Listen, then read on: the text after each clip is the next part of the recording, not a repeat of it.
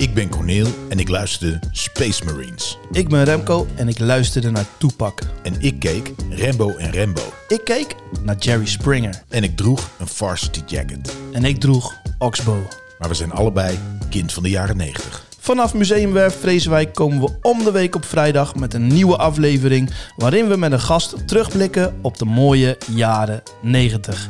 En Corneel, wie hebben we vandaag? Ja, Remco, ik ga je meteen in de reden vallen. Want de auto die loopt al. Ik hoor hem. Want we zitten nu op de museumwerf. Nemen we dit op. Maar we gaan zo naar Tiel. Naar Tiel. Ja, en weet je waarom we naar Tiel gaan? Waarom gaan we naar Tiel, Nou, Corneel? Omdat onze gast, die, die was niet in eh, staat deze kant op te komen. Of niet in staat, het kwam vandaag niet uit. En hij kon vandaag. Dan zeiden we, we komen naar jou toe. Ja. Heel gedoetje, want we konden even geen plek vinden. Uiteindelijk kende ik daar Nico Baars. Ik weet niet wie die kent. Denk Ik ken, niet. nee, ik ken hem niet. Dat is de directeur van de Agnietenhof, het theater daar. En die zegt, jongens, ik heb hier wel een plekje om het op te nemen. Dus wij gaan straks naar het theater.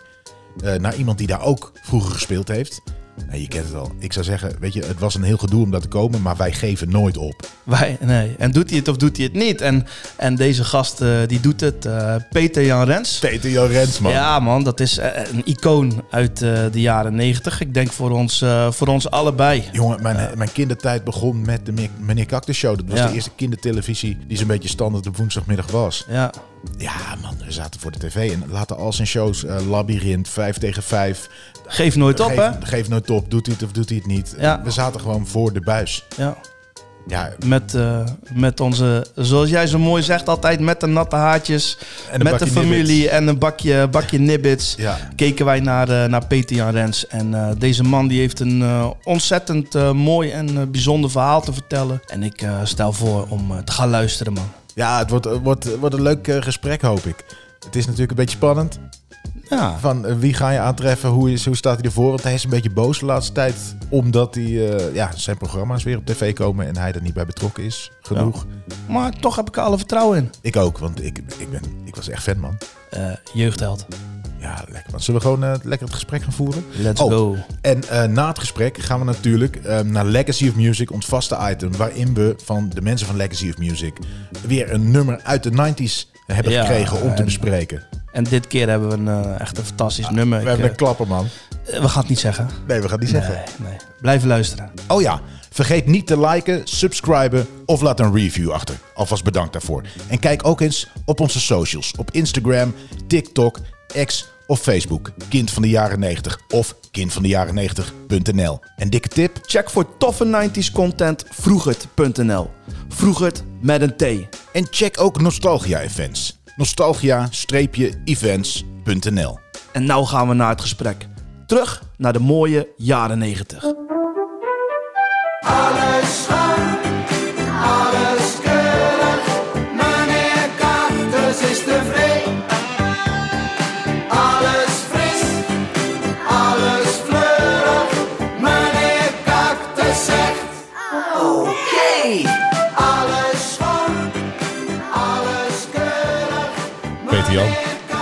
enorm fijn dat je er bent.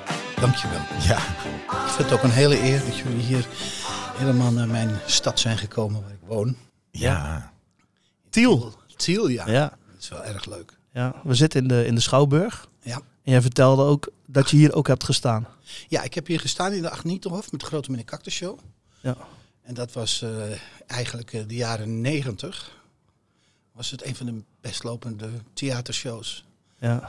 Samen met Joep van het Hek. Wij waren altijd een half jaar of een jaar van tevoren uitverkocht. Hm. Dat was echt in de grootste theaters. In Carré, in, eh, in eh, eh, Den Haag, de, de, de Schouwburg. Alles hebben we gedaan. Ja. Ja, dat Ja. was echt fantastisch. Ja. Terwijl het- ik eigenlijk uit het Shaffi-circuit kwam. Hè? Dus ik was in het Shaffi-theater. Deed ik theater voor jongeren. Ja. En dan had ik De Beul komt terug. Dat was bijvoorbeeld een voorstelling. En die, eh, het leuke daarvan was dat ik dan bijvoorbeeld in Noord-Holland, in Bargezellig in Wochnum aan het optreden was. En dan, eh, dan waren er vijf, zes mensen. Er kwamen wat meer mensen. Die gingen dan met, je, met hun rug naar je toe zitten. Drinken. En dan moest je dus theater verkondigen. Nou, dan kregen we zowel omgekeerd enzovoort. En eh, dat was... daar hadden we een soort Patti Smith show. Weet je wel, een Lou Reed-achtige Ja, ja, Patti ja. Smith show. Waar we dan eh, de meest geweldige, goor, wat tegenwoordig goor is, gore dingen deden. Ja, ja, ja, ja. Dat is Ja, erg leuk. ja. Maar als, als ik- En, maar dan keek je dus altijd. En op een bepaald moment kwam ik in die grote theaters. En ik was altijd gewend om te kijken door het, eh, eh, door het doek van Even langs zo'n de coulissen paar mensen. gluren, Maar dat zat helemaal vol en dat was een luxe. Wat deed dat, wat deed dat met je? Dat je het gordijntje eh, open deed en dat je ja, dat vond ik zag? echt. Ik was er altijd. eh, Dan begon ik wel altijd met publiek te spelen, dus wat binnenkwam al. Maar het leuke was dat er dan bij de, dat is hier ook bij de Agnietenhof, dat je dus mensen die hadden geen kaartje kunnen krijgen en die bleven dan altijd staan bij de artiesteningang en de, eh, eigenlijk niet bij de artiesteningang, waar de vrachtwagen eigenlijk eh, de loading docks. de loading docks. En dan haalde ik altijd een stuk of eh, 20, 30 mensen nog binnen die ik tussen de coulissen opstelde. Oh. En dat liep later weer stuk, want toen kwam de brandweer erachter. En Ja, ja, toen mocht het niet zei meer, niks, nee. was de brandweer weg en dan haalde ik ze weer naar binnen toe. Ja. Hey, maar ik, ik hoorde net, eh, je, je zei al van eh, de meneer Cactus Show was meteen uitverkocht. En normaal eh, beginnen we altijd dit meteen in de jaren negentig. Maar ik weet nog dat bij Tineke de Nooi, Ja. dat er ineens een intermezzo werd aangekondigd. En dat was, de, dat was meneer Cactus. Ja. Hoe, hoe, is, hoe is dat zo gekomen? Ik wil toch heel graag daar beginnen, want dat was echt... Ja. Daarna op woensdagmiddag natuurlijk de kindertv, middag de meneer Cactus Show. Daar gingen we voor zitten. Maar hoe, Ja. kwam je daar zo terecht? Nou, ik kwam eigenlijk, eh, dat is even een verhaal wat, wat alweer in de jaren 80, begin jaren 80 afspeelde ook. Ehm, ik was aan het optreden in Donkey Shocking. Ja.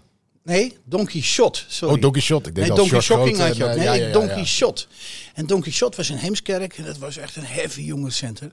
En daar kwam toen op een bepaald moment Hans Kemna. Ja, En die kwam binnen. de casting director. De casting director. En dat was ook geweldig, want die liep de kleedkamer binnen en ik zat daar helemaal bezweet. Ik had zo'n eh zo'n Lou Reed act en ik deed dingen. En eh, hij omhelsde mij. Hij was meteen helemaal nat. Ja. geweldig. En hij zei, ehm, zou je een film willen spelen? Nou, die film, eh, dat was Brandende Liefde. Ja. Ik zeg, absoluut niet, sodemiet erop. En dan ging hij weer weg. Toen kwam hij de vorige keer weer terug en weer omhelzen. En had bloemen mee en allemaal eh, romantische dingen. Ik denk, nou, wat krijgen we nou? Toen, eh, toen zeg ik, eh, maar ik werd geïrriteerd. Ja. Want hij zat ook steeds in de zaal. En ehm, Zit hij weer, dacht je? zit hij weer. En toen op een bepaald moment zei ik, om er af te wezen, ik denk dat trapt hij nooit in. Ik, ga, ik wil wel een film doen, maar dan moet ik de hoofdrol hebben. Klaar. Nou. En ik, toen, toen ging hij weg. Ja. En toen de derde, eh, er was nog een dag overgeslagen. Toen heeft hij overlegd natuurlijk met Rob Houwer. En toen kwam hij en toen zei hij, je hebt de hoofdrol. Ik zeg, dat is prima. Hij zegt, je mag ook gaan bepalen wie je mede eh, actrice wordt. Oh, echt je tegenspeelster mag je Ja, zelf uitkiezen. Ja, dat had ik ook gedaan. En toen heb ik ook nog, dat was het begin van de dijk. Want ik was een groot fan van Huub van der Lubbe, Ja, dat is een vriend van me. En Huub die trad op voor het eerst met de dijk. En, dat was, eh, was- en toen zei ik tegen Huub, om beroemd te worden, kom. Want ik heb in die film Brandende Liefde, heb ik nog een speler nodig. En ik mag het allemaal zelf uitzoeken. Nou, toen kwam hij er ook in. Dus ik Jeetje, zat maar- met een soort vriendengroepje, zat ik daar. Maar wel echt, eh, wat een enorm ongekende luxe. Dan heb je wel daar eh, met die Lou Reed act indruk gemaakt. Ja, het wa- was een rare, een rare act. Ik was, het was een kruising tussen Lou Reed en Lenny Bruce. Dus je was het publiek aan het beledigen. Onder de, onderwijl deed je een soort seksuele handelingen. Die, eh, af en toe veranderde je in een vrouw. Ja, ik dan. ja. Jij, dat is echt, jaren 80, 90. Ja, ja, hoor. ja, je veranderde zo in klinkt een het vrouw. ook. Ja. En dan deed ik een masturbatieliedje. ja. En dan ging dat weer ergens anders naartoe. En dan had ik weer een, zat ik weer in een gevangenisoproer. Het was, was, dat was typisch die tijd, weet je. Het is zo leuk om dat, eh, om dat te doen. Dus hij had ook iemand nodig met lef, Ja, Hans Kemna. ja.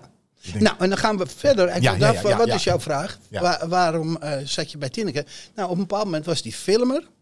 En dat was ook geweldig, maar ik was natuurlijk nieuw. En eh, toen heeft Jan Wolkers heeft toen in de première, eh, de première heeft hij gepresenteerd. Ja.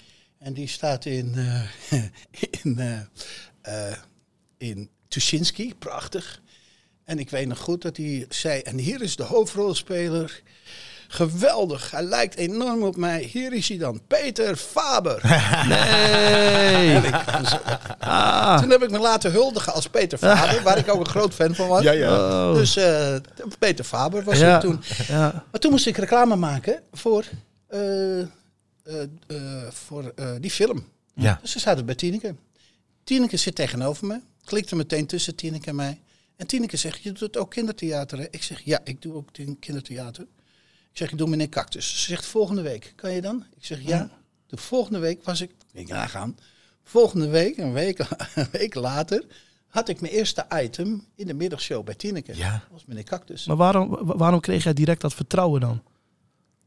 Ja, ik denk dat dat ook mijn soort enthousiasme is. En eh, Ja, ze hebben me gevolgd natuurlijk. Ja. Wat je uitstraalt. wat nu je- nog. Wat ik uitstraal. Ja, Ja. maar, maar het is wel zo, en dat zal je zien door mijn hele carrière heen. Ik moet altijd gevraagd worden. Ja. Dus, dat is, dat, dus op het moment dat je niet meer gevraagd wordt, heb je altijd een probleem. Ja, je bent mijn- geen netwerker. Ik ben geen netwerker, nee. Nee. En, ik, en ik ben geen pleaser. Dus eh, ehm, de, de, het, het idioot is van de Cactus Show, die produceerde ik zelf. Ik schreef het zelf, de muziek deed ik, alles deed ik zelf. Later kregen we dus gewoon een eigen show. Rob Oud heeft toen op een bepaald moment, die toen geweldig dronken daar rondliep, die had een soort gewoonte, ook jaren, jaren 80, Ja. 90.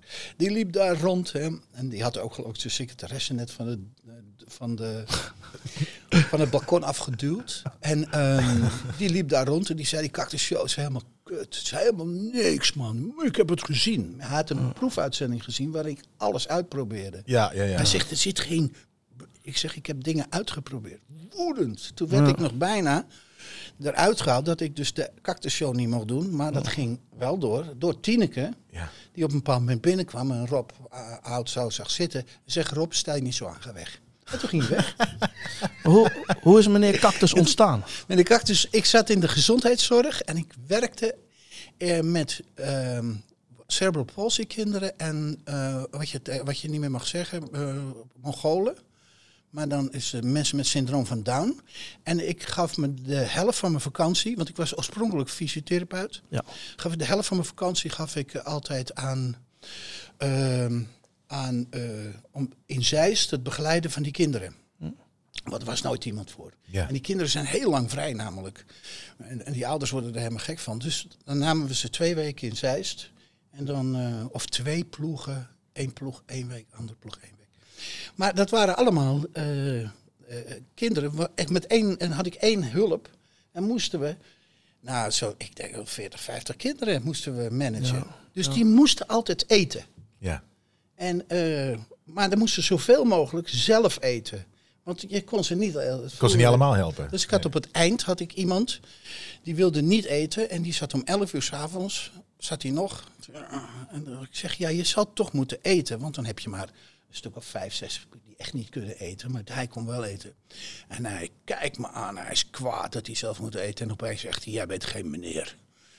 Jij bent een cactus. ik zeg, ja, jij bent meneer, ik ben meneer cactus. Hij zegt, oké. Ging hij eten? Ja. Nou, is. maar door mevrouw Stemband heb ik ook uit die groep. Want op een bepaalde fase kunnen kinderen, en, en dat is ook in de ontwikkeling, ontdek je dat je een eigen identiteit hebt. Ja. En dan had ik iemand die had geen eigen identiteit. Of tenminste, die, was, die, was, die wist nooit of hij het was. En ik zeg voor de zekerheid, als ze jouw naam noemen, ze heette Katja, zei ze, eh, dan moet je even zeggen wie? U? U. U?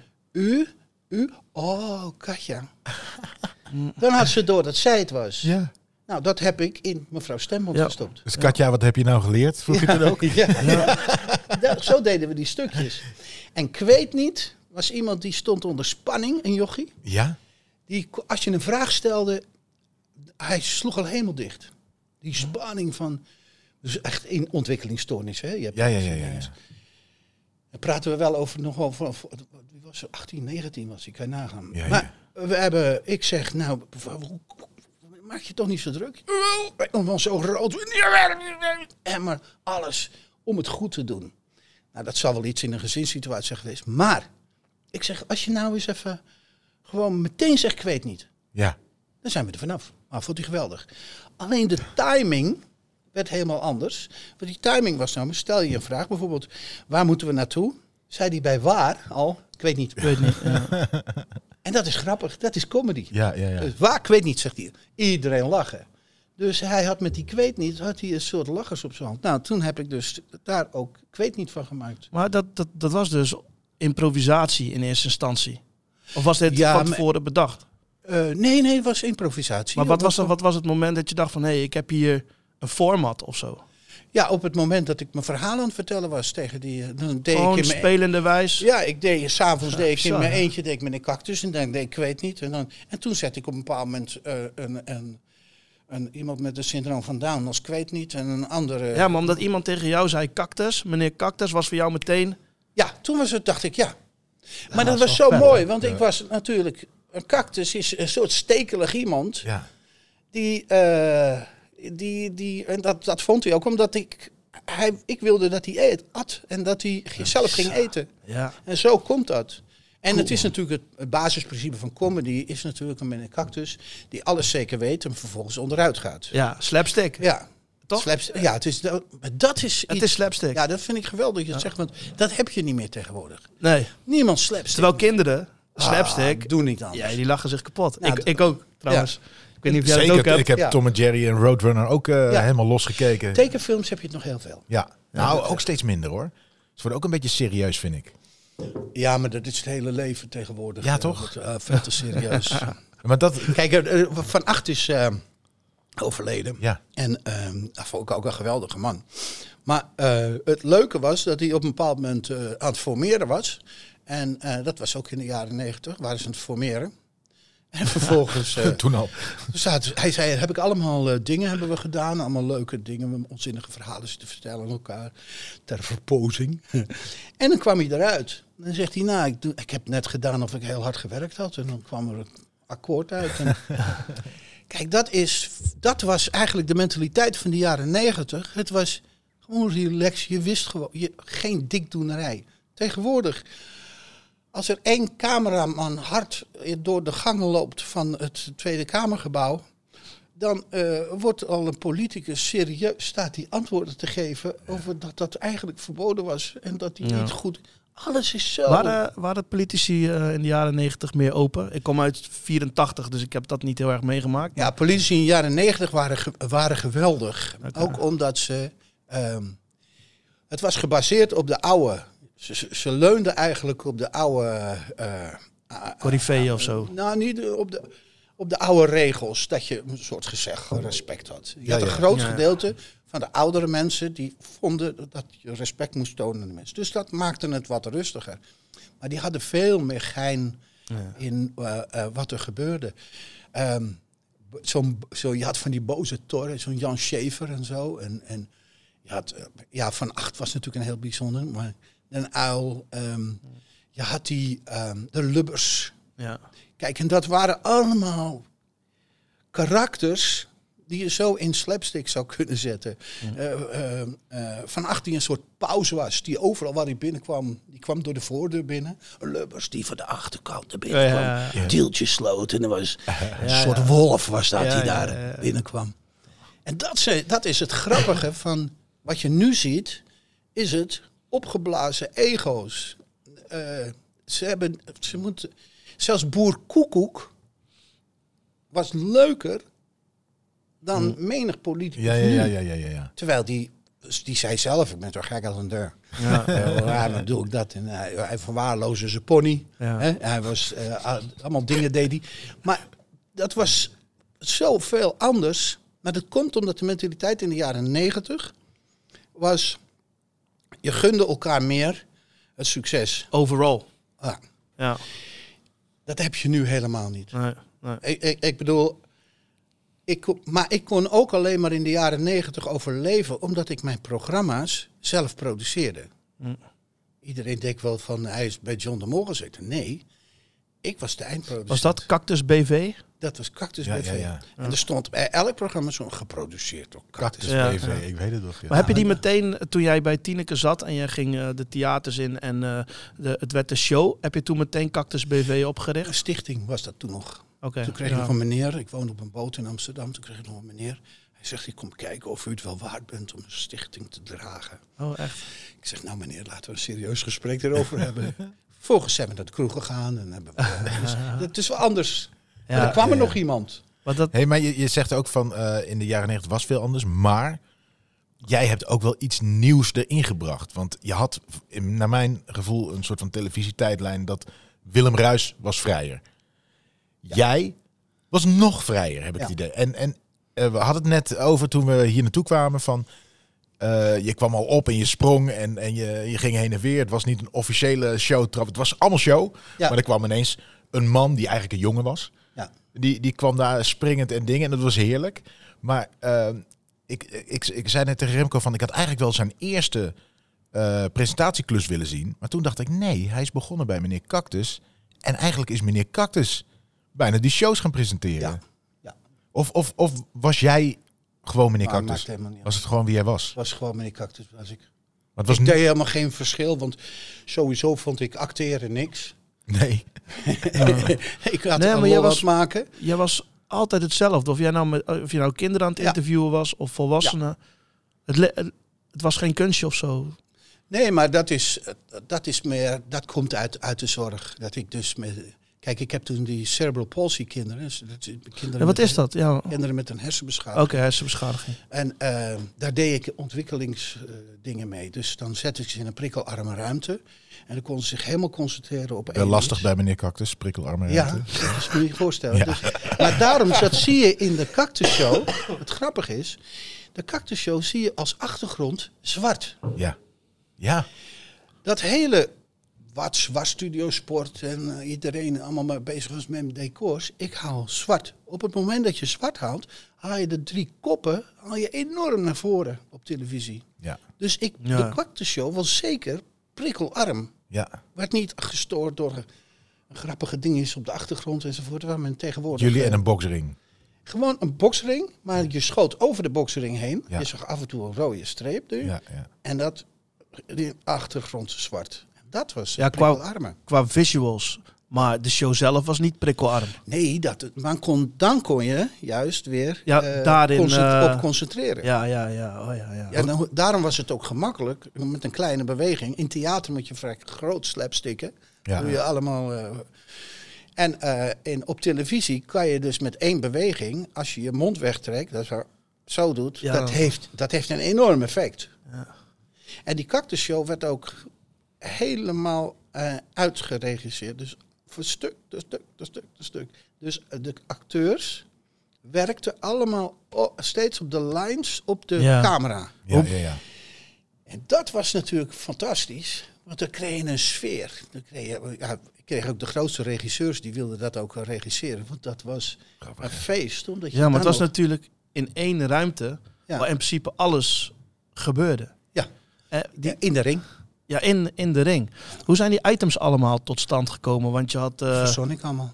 Oké. Maar wel Of- bewust, toch? Want ik, ik Ja. ehm, eh, de, de, de, het kussen waarmee je nog iemand een stomp eh, mocht geven. Het Ja. liedje, de Ja. prik van de De cactus. prik van de- die kwamen allemaal uit de zorg. ja, ja, precies. Want ook spelende Dus- vrouw, wat heb je nou geleerd? Ja. Dat vond ik vroeger alleen maar grappig. Ja. Ja. En nu keek ik weer terug en denk ik, oh, er zit eigenlijk elke keer is het echt een tip. ja, er zitten echt Het was eh, wel bewust gekozen. Ja. Maar ja, dat is ook weer. Maar het heeft ook te maken met. eh, wat ik dan noem de ondraaglijke lichtheid van het bestaan. Wat overigens een prachtig boek is. En die schrijver Ja. laatst overleden. Maar ehm, dat je, wat er ook gebeurt aan ernstig. Dat je op een bepaald moment eh, verder moet gaan en genieten. Wat er ook gebeurt en hoe je handicap ook is en wat je zorgen ook zijn. Dus ik maakte in de Cactus Show altijd gebruik van de overtilmomenten. Om kinderen te zeggen, oké, dit is het gezeur, dit is het gezeik, dit zit je dwars. Maak hem op, party. Ja. Ja, ja, ja, ja. ja. Dus dan drink, drink je, eh, of dan dring je. Het is eigenlijk Epicurus, om het zo maar te zeggen. De filosoof Epicurus, die altijd zegt van, doe me alles met mate, maar geniet. Hè? Neem niks te serieus. En de ondraaglijke dingen, ja. ach, daar kom je wel op een bepaald moment overheen. En ook gewoon een beetje eh, leren met emoties omgaan. Ja, maar nee, emo- eh, ja, maar emoties hanteren gewoon. Ja. Kom op. En emo- emoties hanteren, komt het beste uit in slapstick. Ja. Ja. Het leukste is, als ik kwaad word op Peet niet, ik geef hem een draai. Met zijn oren Ja. is het leukste wat er is. Ja, klopt. Dat is gewoon. Dat wil dus je je zien. krijgt. Maar het is een soort combinatie van fysiek en geestelijk. Ja. En als je daar de balans in vindt, dan zit je goed. En, en bij de, de derde ronde was het ook weer goed. De Ja, derde met een ronde. dan gaan we weer door. Dan Ja, gaan we de weer door. Weet je wat ik een hele mooie fonds vond in het programma? En daar was ik me vroeger ook niet bewust van. En nu, de, de, eh, als je een kind interviewde daar, dat hij op een grotere stoel zat Ja. dan meneer Ik Cactus. zat altijd klein. Ja. Dan, dat kind zat al op een troon Ja. Ja. en die... die ja, Ah, dan zag je ook. Er kwam Herman van Veen op bezoek. ja. En die zat dan op het kleine stoel. Ja, ja, ja, ja. Ja. En die kinderen. De grote, hè, de grote. ja, ja. Dat was. Maar daar zie je aan, aan die mensen, zoals als Herman van Veen daar kwam. En die, kwam, die ging dan zitten op dat kleine stoeltje. En die kinderen, ja, die vonden dat fantastisch. Die vond die mannen. Maar die zaten dan met hun hoofd even hoog als zijn hoofd. Ja. Nou, als je als kind hoofdwaardig gelijk bent aan Herman van Veen, dat is een feest hoor. Dan zie, je ziet die kinderen ook kijken van, nou zo heb ik hem nog nooit gezien. Ja. En dan hadden we altijd de gast om aan te vragen en om aan te raken. Ja, ook dat ja. Aan te raken was, nou we hadden op een bepaald moment, eh, Herman van Veen werd helemaal bedolven. Maar je ziet bijvoorbeeld, weet je wie ook zo... Daarvoor was hij nog niet kaal. Dat is toen gebeurd. Dat is ja, dat was hij. Hij, was, hij is altijd wel kaag geweest. Ja, dat is ook zo. maar ehm, eh, dat, dat, dat, dus dan zag je namelijk hoe kinderen op naar hem toe gingen. We hadden op een bepaald moment een vrouw die had zich opgesloten in de oudheid. En die leefde in een grot. En eh, zonder douche, zonder wc enzovoort. En die hadden we ook een bepaald moment als gast. En toen ik zei van deze gast is niet alleen maar aan te vragen, maar om aan te raken. Ik wilde niemand aanraken, want ze stonk. Ja. Ja. Dus daar kreeg je, daar kreeg je ook... Dus, Eerlijke dus daar- kinderen. Maar je ziet ook Joop Doderer bijvoorbeeld. Mm. Maar wat er een van de grootste eh, eh, acteurs was, eh, wat mij betreft, eh, ooit bestaan in Dat is een Nederland. zwiebertje, toch? Ja, ja. zeker. Joop Doderer. Maar die kon ook comedy spelen. En Ja. dat, was, dat was zo, eh, ook als, als persoonlijkheid. Als, die zit daar en ja, die kinderen vliegen hem om de nek. Ja. Terwijl die er toch uitziet als een echte volwassene. Maar Ja. Ja. kinderen ruiken het gewoon. Of, Voelen. en, Ja. ja. Was dat ook, ging je dat van tevoren ook met elkaar overleggen? Wat denken jullie? Wat nee, gaan ze nee, doen? nee, nee, nee, dat deden we niet. Nee, we lieten alles veel mogelijk. Ik, alles deed ik als het ware als. Ehm, dat oh, zag je op het theater ook. En, en nu ook, als ik de Cactus Show doe. Mijn medespelers weten niet waar ik naartoe ga. Alright. Dus ik begin, maar, en dat heb ik ook als ik met de band optreed. Ik kijk naar het publiek. Ik begin erbij en ik denk, oké, ik begin met dat nummer. En dan volgen ze gewoon. Ja, ja, ja. En eh, voor de Cactus Show, je had er verschillende rondes. Dus dan in het theater dachten ze van, eh, stond, stond iedereen te kijken van, wat gaat hij nou doen? Jullie repeteerden niet? Ja, we repeteren heel, al die stukjes wel. Ja, oké. Dus je hebt het, de sketch, wordt gerepeteerd.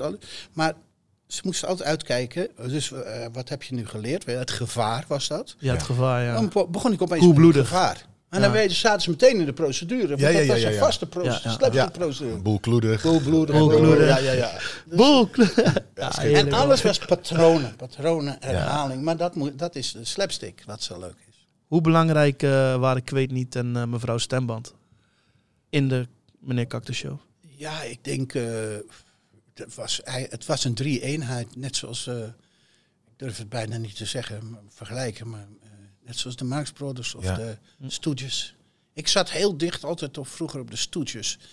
Dat, dat, dat, dat rauwe, Ja. gemene, Ja. elkaar in de neus Fysiek knijpen, ook. Fysieke. Ja. ja. Want je had Annemieke Hoogdijk. Annemieke Hogendijk en Hans Ja. van der Laarsen, ja. Ja, ja Annemieke, die, Anne, en die Annemieke Hogendijk zag ik laatst weer terug in De Slimste Mensen. Ja. ja. Dat ze daar, deze goed. No- heb je nog contact?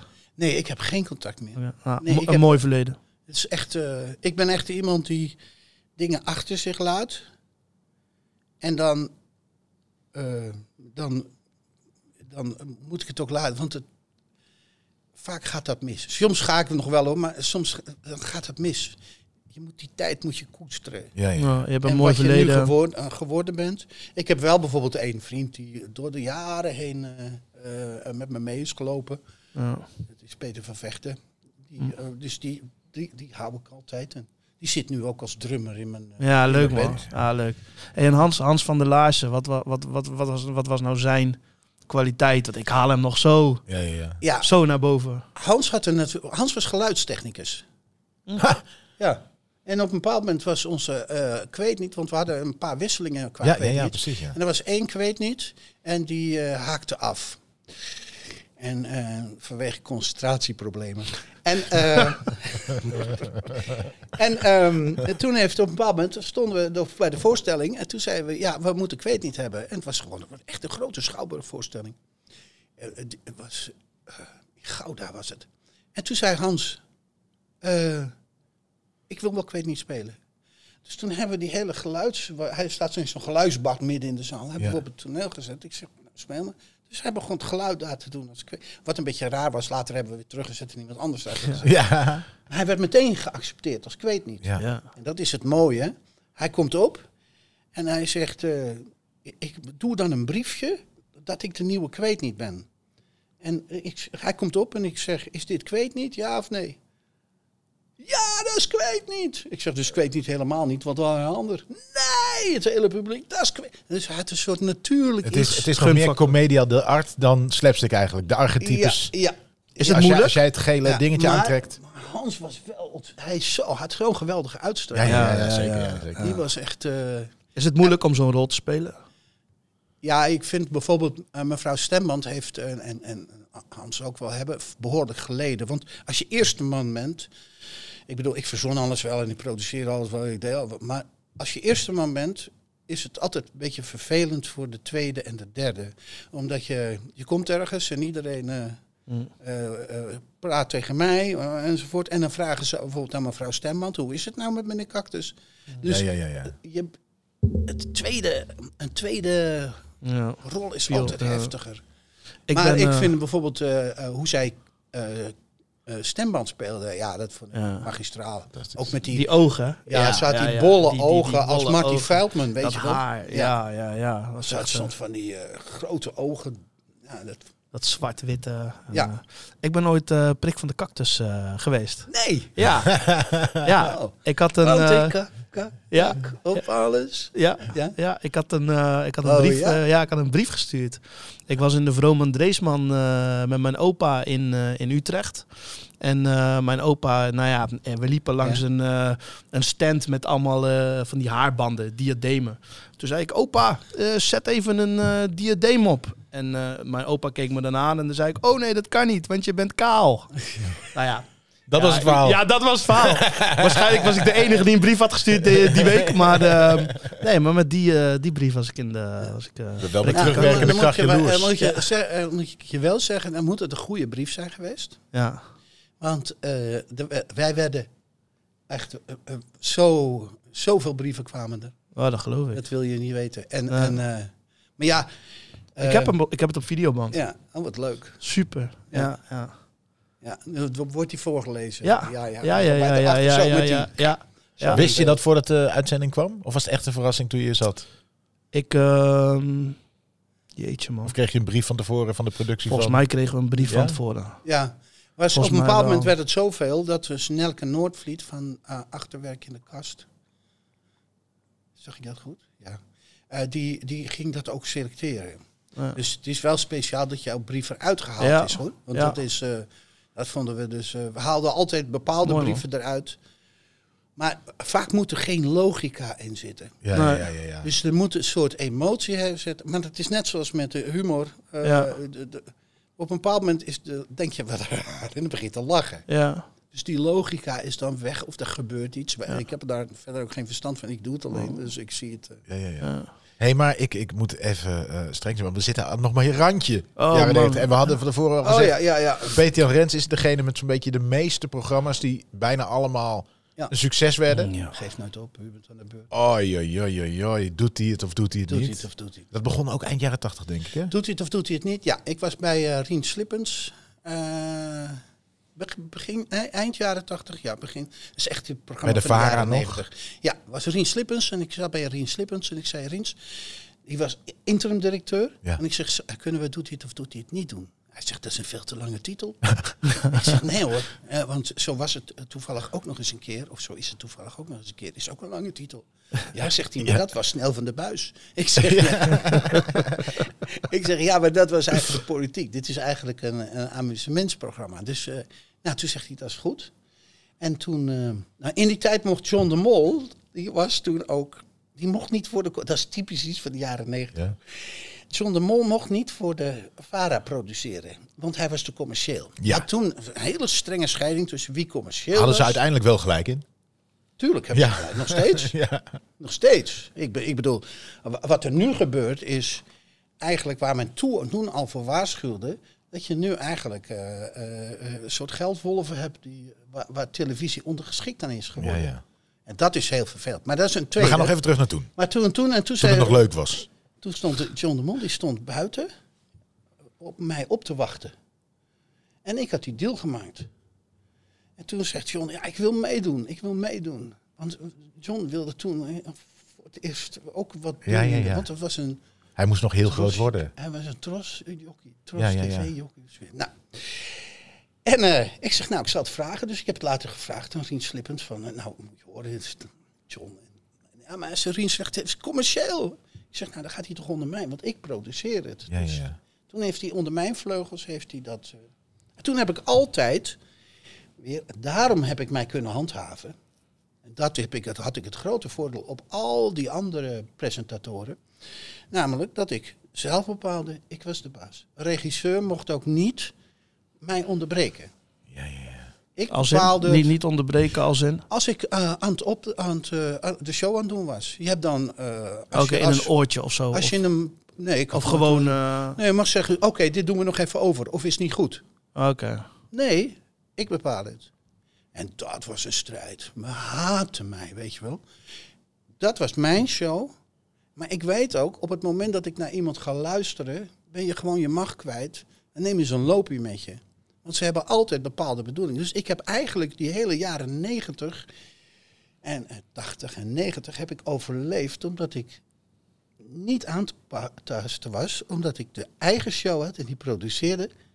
En die bleef maar scoren. Maar ze haat die omdat ze hun werk op een andere manier moesten doen? Of Nou, eh, kijk. we- weet je ook vervelend tegen ze? Nee, ik werd niet vervelend, Nee, nee, nee, nee, maar nee, het is een machtskwestie. Ja, ja, ja. ja. Het is een machtskwestie. Zij Als zijn je- normaal gesproken de baas en ja, hier al de presentatoren die je nu ook ziet, die moeten goed luisteren naar wat er gezegd wordt. Die worden als pionnen ingezet. Ja. Ja.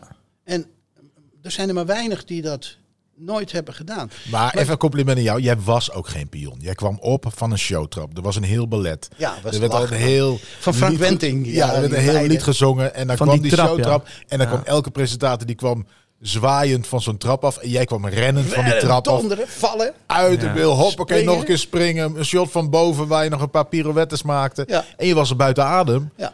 Voordat het überhaupt was begonnen. Ja, was ik kapot. Ja. maar dat vond ik ook leuk. Ik weet ook dat ik een keer met een motor naar beneden ging. Maar je hebt het eh, podium je achter. En het enige wat ze gezien hebben, dat ik voorbij reed, omdat ik de bocht niet kon maken. En je flikkerde met die motor de andere kant op. Ik vraag me af, hè. Jij, bent zo eh, enthousiast. Eh, ook als ik die video had bij Doet hij het of doet hij het niet, had je ook natuurlijk die video's tussendoor. Hè. Je liep in een stad, je liep op het strand. Ja, dat was de kracht. ja maar Doet hij het of doet hij het niet op de straat? Ja, maar dat deed je met zoveel eh, overtuiging. Je liep in een Tarzan-slip. Eh, Ja. ja, kende jij schaamte? Dat was geen schaamte, dat was een eer. Ja, oké. Het was een eer om, ik bedoel, je bent acteur, dus het is geweldig als op de Hulk Hogan in Breda. Ja. Hebben we nog de hele Hulk Hogan show gedaan. Ja. Batman, Tarzan, noem Ja, het maar op. Maar dat is het leuke. Op straat tegen vreemden is het. Zie je mensen en je, dan vraag je mee: hey, zullen we dit doen? Dus zullen we dropvetertje eten? Zullen we Hulk Hogan? Wil je, zullen we een gevecht doen? Zullen we. Is het essentiële wat kinderen ook hebben? hey, zullen we samen spelen? Zullen we buiten spelen? Soldaatje doen? Ja. soldaatje doen? Zullen we... Dat is de essentie van doet hij het of doet hij het niet. Dat zie je ook helemaal de mist in gaan met de, de- doet hij het of doet hij het niet, die je nu ziet op, op de televisie, waar ze eigenlijk alleen maar nog op een oude, ken dit-achtige manier aan het filmen Ja, zijn. maar ja, wat, wat Maar jij deed was een show. niet. Het was een dat niet. amusement, eh amusement Ja, show. maar het is ook wel de, de basis wat je zegt van... En dat zat en in je presenteren en in Meneer Cactus... maar ook inderdaad in die, die van wil je mee Tarzan en Jay spelen. Daar zit, daar zit een soort onbevangenheid in. Ja. En wij, wij, jij, ik, weet niet hoe, ik weet niet eens hoe oud je toen was. Eh, ik was toen eh, was zo 41. Ja, maar je, je, voor, voor mijn gevoel Ook was je, jong. was je een soort grotere neef. Ja, Terwijl ik een kind was, zeg ja, maar. ja, ja. Je was altijd die, die, die grote buurjongen die, die, die gek ja, met, eh, met Maar het is- eh, Maar het is, eh, het is iets wat jij zei van. Ik wilde de straat op met mensen spelen, maar ik wilde vooral zeggen, omdat je zoveel klootzakken had, die allemaal bitter waren en die allemaal kritiek op elkaar. Nou, helemaal. Ik wilde alleen maar de straat op gaan en tegen mensen zeggen: Ik vind je lief. ja. Dan kreeg ik in ieder geval iemand tegenover me ja, die wat, lief, wat de essentie van het bestaan is, dat je elkaar iets gunt, waardeert. Wat ik het mooiste vond vaak is, vaak eh, kreeg je van die grote klerenkasten voor je, dikke baarden, grote zonnebrillen. En die gewoon een klein kind werden. Dus, Ja. dus die met jou inderdaad dat dropvetertje gingen, gingen eten. Dat hebben we dus in 2024 ook gehad. Oh, 2023, afgelopen jaar heb ik dat eh, nog gedaan. En, en en ik doe het nu op de straat ook. Eh, dat ik dus in Limburg, dat was een feest dan, ging ik in Limburg, liep ik daar op de straten. En in welke stad dan ook, het liep allemaal uit. En dan was ik bij, Ja. was simpel een taart in het gezicht gooien. Ja, ja, ja. ja. Dus heel simpel zeg je, alsjeblieft, kijk, ik gun jou deze taart, alsjeblieft. Oh, wat een mooie taart. Twee dingen wat je kan doen. Eén is weglopen en thuis met je geliefde gewoon die taart opeten. Het tweede wat je kan doen, is die taart in mijn gezicht gooien. Doe je het of doe je het niet. Kijk, en dan gebeurt er iets met mensen. ja. Gaan ze kiezen tussen de sensatie, voor mij het gezicht. voor het duik. En je ziet gewoon die mensen, één, nog verheugd zijn dat ze een taart krijgen. En twee, we kunnen het ook in zijn gezicht gooien, maar zullen we hem dan opeten? Je krijgt heel andere mensen. Ja. En het werken op de, op de straat, met die doet hij het filmpjes, dat is de- eigenlijk de essentie van doet hij het. En dat, dat Zeker, is zo want- leuk om te Want de rest tussendoor... eh, ik, ik, ik zag de finale weer. Er was een waar je aan het draaien. Jij, jij maakte er een hele show van. Maar ik Maar dat het was ook hoger lager. Sorry, ik zette dat rad ook stil. Hoe wat? Ik, ik, had, ik stond bij het rad en dan op een bepaald moment was hij aan het draaien. En dan dacht ik, ja, dan had, had ik een koppel tegenover me. Ja, die waren, gingen dan op een moment 50.000 gulden. Ja, ja. Ze- en ik, hup, ik had het zo geleerd dat ik... trrrr, maar mijn hand stond ik en dan zet ik hem stil. Dan, Maar- en dan en dan- wonnen ze hem? Ja, natuurlijk. Oh, oké. Nee. Serieus. En dan kwam, eh, en dan kwam, de, kwam John naar me toe. Dat was wel obvious hoor. Het was wel obvious. Ik zeg, ja joh, maakt niet uit. Mensen weten gewoon dat ik dat doe. Als je dat nu zou Ja, doen, ja, ja, ja, ja. Ja, dan... eh, onder die... eh, Met alle notarissen die meekijken. Ja, ja. dat, maar ik deed dat. Maar het was eigenlijk mijn...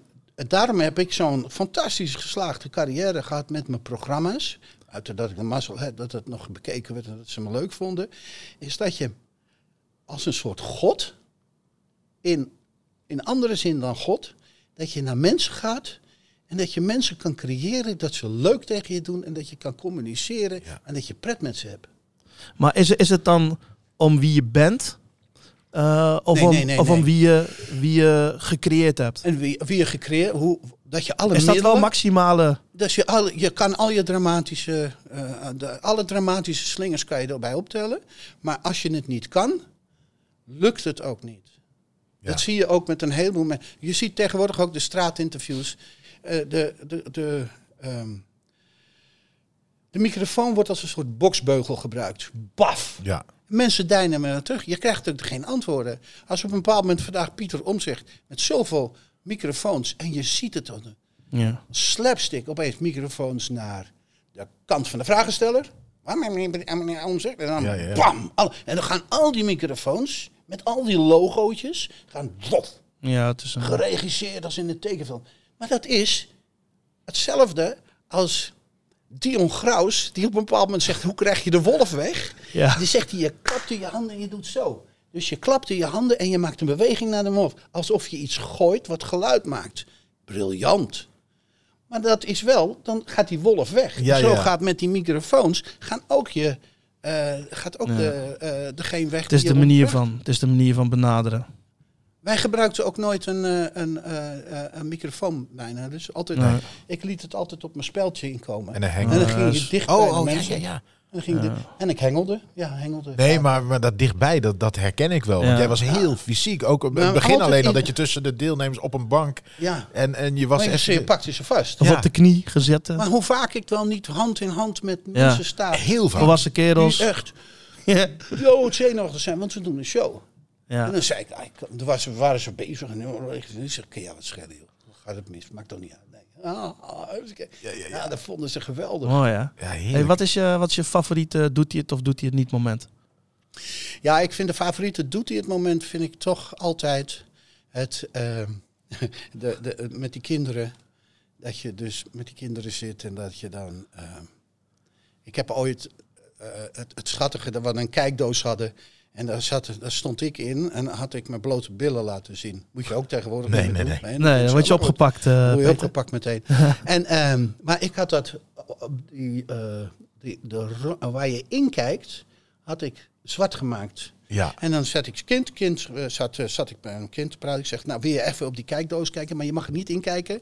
Want eh, eh, daar, zitten, daar zitten dingen in, die moet je niet zien. En ik loop weg. Nou, doet ze het of doet hij het niet? Kind, hupsakee, zwart, kijkt.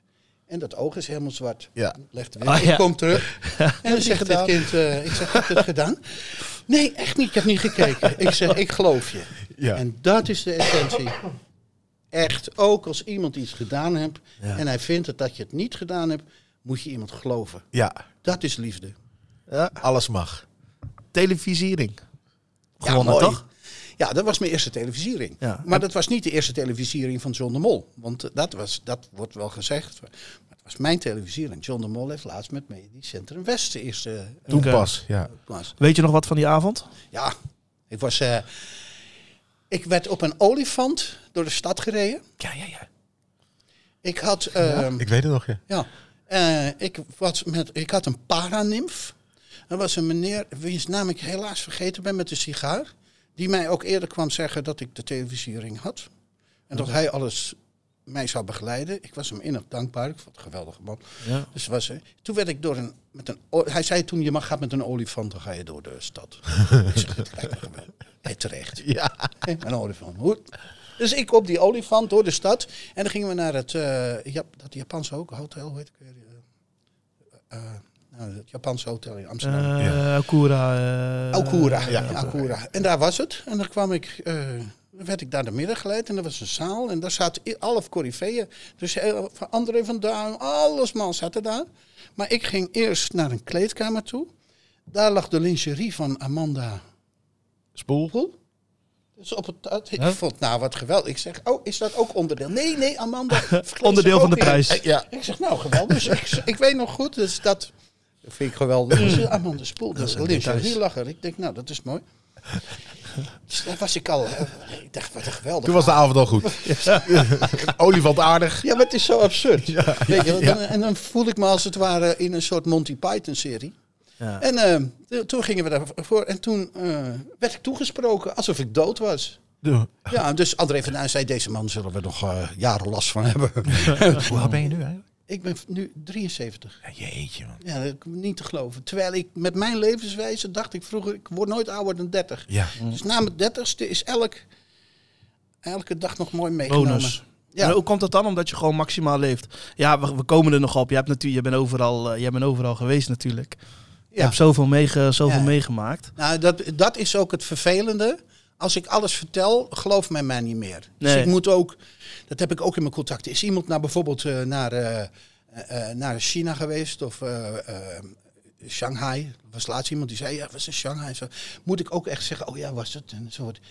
En dan had ik de neiging, heb, oh, ik was ook in Shanghai. Ja. Ja. Je hebt ook gedaan. Dat, dat, Ik heb daar een er tijger nog? gegeten. Is dat er nog? Is dat er nog? Ja, ja, ja, ja, ja. Ja. Nou, dan overroel je eigenlijk Ja, iemands precies. eigen... Maar hier mag dat, hè? Ja, Ja, Hier ja, ja, ervoor. ja, ja, ja. Hier mag je Hey, ieder... en naast, eh, eh, ja, je hebt zoveel programma's eh, gedaan. Geef nooit op. Ja, op een bepaald moment moest had ik zoveel programma's dat. ehm, eh, hoe heet ik weer? Niet Jos Brink. ehm, Willem Ruis? Nee, nee, nee, nee. eh, die nu nog bij de postcode loterij zit. Mr. Robert en Love. Brink. Robert en Brink, ja. Ja. Kijk nou, dus need ik is ben love, eh, ja. 73, weet je wel. Een beetje, eh, ik was even mijn beide momentje. En nog in zijn lingo-periode wellicht. Hè? Nog in zijn lingo-periode wellicht. Ja. Nou, maar toen moest hij dus eh, eh, vijf tegen vijf doen. Ja, omdat ja. ik veel te veel met allerlei programma's. Ja. En ik kwam er ook maar niet vanaf. Dus bijvoorbeeld, dan was elk jaar kwam René Vroger weer. En dan hadden we na tien jaar, doet hij het of doet hij het niet? Nou, het moet nou eens afgelopen zijn. Ja, dat vinden we ook. Dat laten we. En dan ging eh, René Vroger ging, eh, dan weer zingen. Afscheid zingen. Ik in tranen natuurlijk. Hij in tranen. Wij allemaal in tranen. Iedereen denkt, nou oké. En dan waren we weer een maand thuis. En dan werd er gebeld. Die zei nog, want we hebben, zijn bezig met een nieuw programma. Maar het scoort nog zo goed. Nou, dan gingen we weer. Dus we hebben vijf jaar lang hebben we afscheid genomen met een zingende René Vroger die ontroerd op een barkruk zat en mij moment. Ja. ah, dat was zo leuk. Maar eh, eh, ik, ik, eh, ik wil geven het op, wil ik straks over hebben. Maar waar ik nog warme herinneringen aan heb, is eh Labyrinth. Ja, dat, maar wat, dat was denk ik net voor Doet hij of Doet hij het niet. dat was, eh, ja, dat was voor Of doet dit of doet hij het niet. En, die gele eh, laarsjes. die en, gele laarsjes, En, ja. en was dat ehm, die zenuwspiraal? Die mensen, was dat nou een ding ook- dat er al was? Of hebben jullie dat, dat? was er al, dat was bij Willem Ruis. Oh, Kijk. Willem was dood gegaan. Ja, ja, Ja, jij was als opvolger, nam de vader Ja. jou... eh, Ja, was, gepresenteerd, zou- toch? Ja, en dat, ik ben eigenlijk als enige die dat heeft waargemaakt. ja. Dus met 5 tegen 5 scoorde op een bepaald moment op Nederland 2 hoger dan het journaal. ja, maar dat 5 voorstellen. tegen 5, dat was de fietsclub tegen het Ja, maar wandelclubje. toch ongelooflijk. Ja, dat want- was leuk man. Ja, En dan, super. maar dan was. ja. maar dat deed ik een heleboel, maar dat was leuk. Dan ging je echt met die groepen en die liet je tot. tot want Ja. in het hele land verschenen ook steeds eh, interviews met mensen die naar Doet je het gingen. Er kwam eerst het interview in de, in de lokale krant. Dat ze naar Doet je het, of sorry, naar 5 tegen Ja. 5 gingen. En dan daarna hoe het geweest was. Dus het waren echt, ze hadden steeds twee artikelen. En dat was dus ja, de, de biljartclub of de, Ja. de groep. Ja, die kwamen Afdeling- gewoon in de lokale krant natuurlijk. Ja. afdeling administratie eh, Ja. van Jansen BV. Ja, ja. Dat, was zo was. Ja. En die vond ik ook het leukste. ja, ja. En dan zette je die, eh, dat, dat was het spel met die mensen. Het gekke is dat we een hele leuke test hebben. Wat Willem deed dat fantastisch. Die was, ik vond het helemaal goed. Ik weet ook nog het ontroerende moment dat ik voor de vader ging. Dat ze bij de dochters stonden te kijken.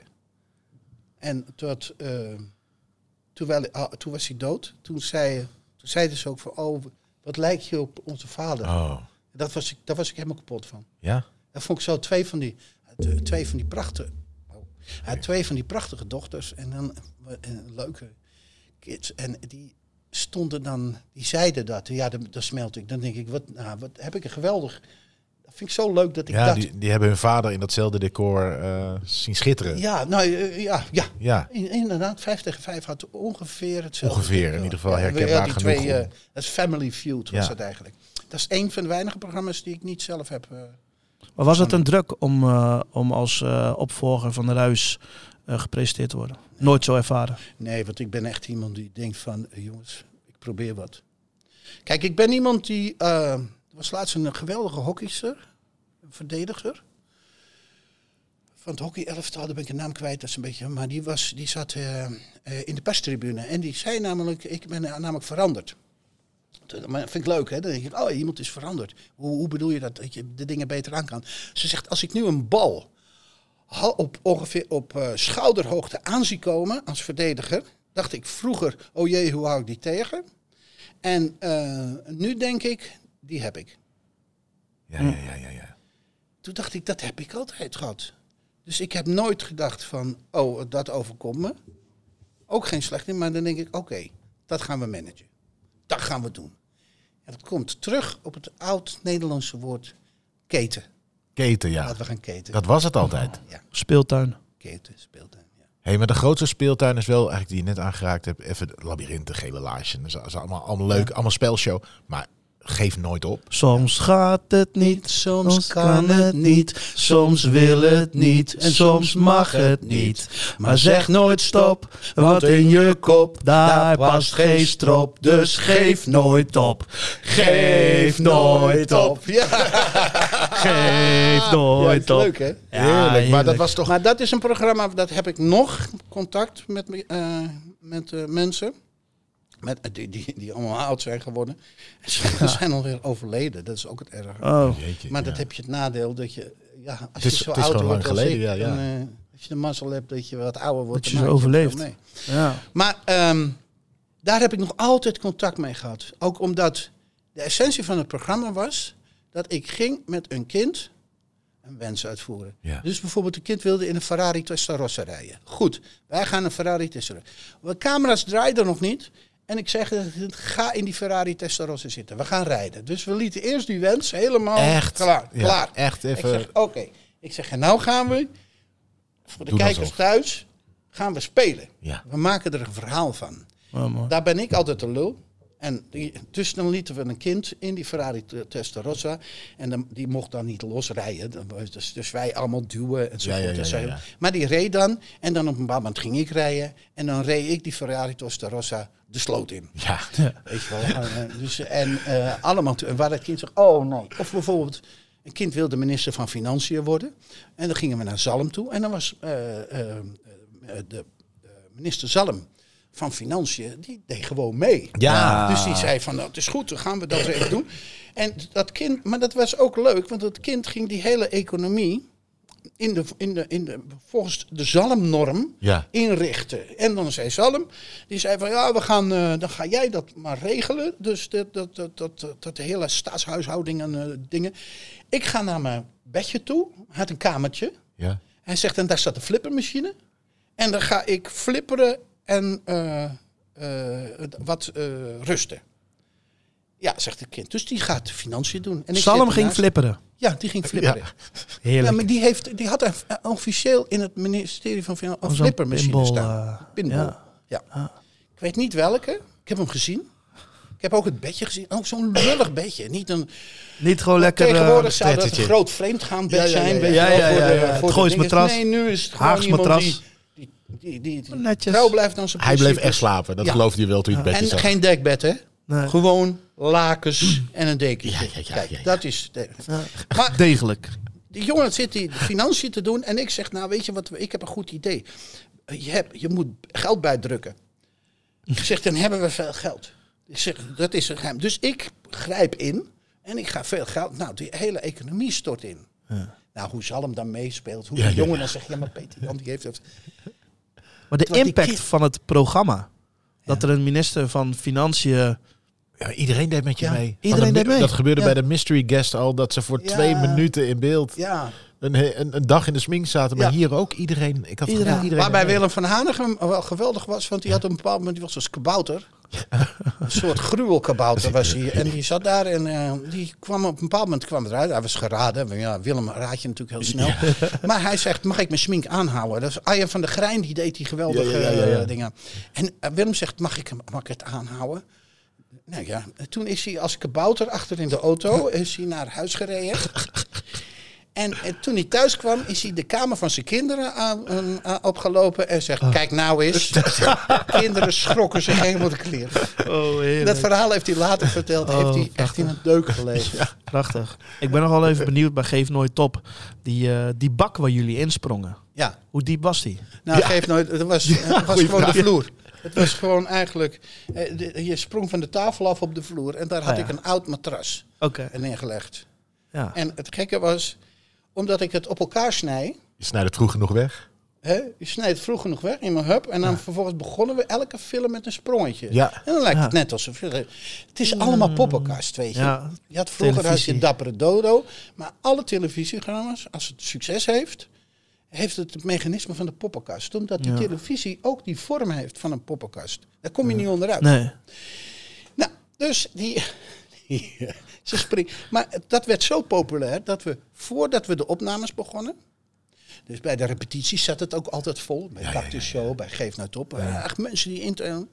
Maar voordat bij de rondtour door de studio's... stond het. En dan sprong mensen met volledig enthousiasme en Oh, gillend van plezier. Eigenlijk van tafelhoogte op In de een bak. terras. Ja. En helemaal gelukkig. Ja, maar dat was een ding. Ik zou dat doen. Dat, ja, ja, ik zou het nu ook nog doen, man. Dat is sowieso.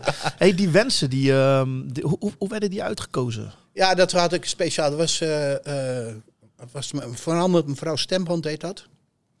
Als En, in de eh, productie. Ja, die zat, ook, die zat in de productie ook. En die, eh, mevrouw Stemband had altijd, eh eh Annemieke Hoogendijk had altijd de functie om... om- kijk, als je iets maakt, ik deed alles. Ik maakte het, ik maakte de muziek, ik maakte het programma, het, het het format, de teksten, alles deed. Teksten van de liedjes ook. Ja, oh, de- oh, daar deed zij trouwens ook aan mee hoor. Trouwens, dus we hebben wel mee geholpen. Maar ik deed het en de muziek deed ik, dus dat is. Maar dan heb je geen overzicht meer. Dat is net zoals als je een roman schrijft.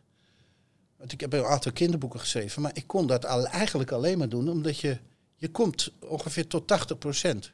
Ja. Dan had je de grote Nanny Brinkman vroeger, die Ja. geweldige vrouw van Ploegsma. En die was mijn redactie en die flikkerde dat eruit, dat deed dat, dat is niet goed. Dat, daar ging ik ook op blindeling op af, want Ja. je hebt geen overzicht als je iets maakt. De studio is het afbreken. Studio denk ik. dondert in elkaar. De hele studio valt in elkaar, jongens. Is dat nou het gevolg van mijn verhaal? eh? Ja, dat- geef nooit op. eh, gaan we. Doet hij het of doet hij het niet? Hij doet het even niet. doet het even niet. Ik liep eruit te trekken. Oh jee, dit ding. Ik wou de tafel hier in Agniterhof niet beschadigen, dus ik heb een klemmetje meegenomen. Maar goed, dan beschadig ik alles wat me dierbaar is. Ja, ik ga er niet meer aan zitten. Ik ben er weer. Zijn er weer. Zo hé.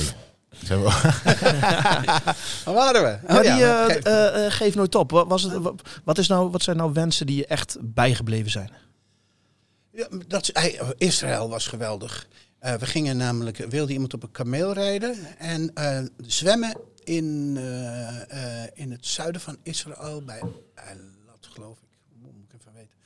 En daar waren dolfijnen en dan gingen we daar zwemmen met dolfijnen. Ja. Dat waren twee wensen, dan gingen we twee mensen. En toen kwamen we bijvoorbeeld in Jeruzalem en eh, daar kregen we, dan kregen we de beste hotels en daar waar, dus wij kregen een kamer. Waar, en daar kreeg ik dan met, met het kind dat in de kamer daarnaast zat, maar daar had eh, Kissinger geslapen. En die, is, die waren helemaal. Dat, die waren dus helemaal gek van dat programma. Dus die kwamen overal met.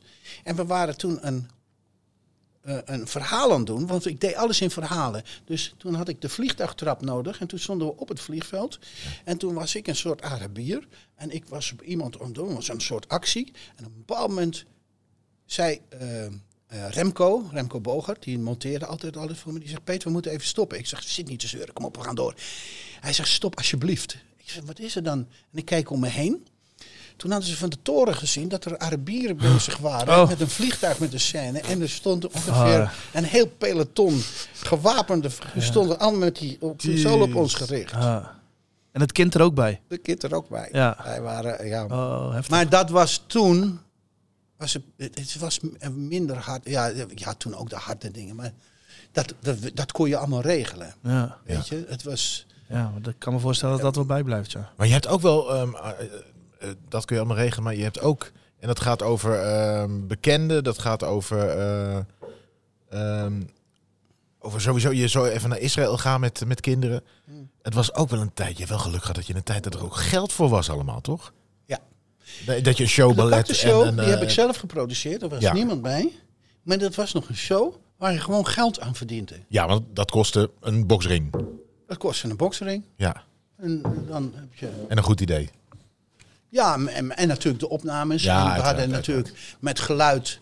Ik ben altijd, eh, ik hou van hengelen, hè, dus eh, Ja. dat geluid vind ik het leukste wat er is. Dus daar, daar deed ik. En Ja, was- zodat je de kinderen in het publiek ook kon horen. ja, en dat je van de, de, de, de hengel, in het geluid was een heel ding, want die moest naar deze mond en naar deze mond. En Ja. Dus daar hing je er vlak boven. En wij deden ook, we hielpen ook. Dus ik kwam met de camera, dat was het eind. En dat deden we altijd helemaal perfect. Ja. Dat, het, dat repeteerden we, dat we echt eindigden op die camera of dat of dat. Als je dat heel goed beheerst, dan lijkt het, als je dat eh, vervolgens gaat doen, lijkt het alsof je ter plekke verzint. Ja, ja, ja, ja, zeker. Dat is de basis van een, een hele goede repetitie. Nou, En dat, en dat zie je. Dat zie je tegenwoordig eh, niet meer. Tegenwoordig is het, we schieten wat Ja, en we doen in de montage, bekijken we het wel. maken we er moois van. En, Is, is, dat, is, dat, eh, is dat een conclusie op wat je ziet? Of, of heb je het ook nog wel meegekregen dat het zo gaat? Ik ben er op een paar Nou, waarom ik gestopt ben, is met. Dat zie je dus nu ook met het conflict voor doet hij het of doet hij het niet. Ja. Wat we hebben. Dus ze zenden een programma wat voor mij was. Maar, wat, Gaan we zo meteen zeker hebben nog... eh, maar wa- wat ik zie is dat het door de eh, verzakelijking.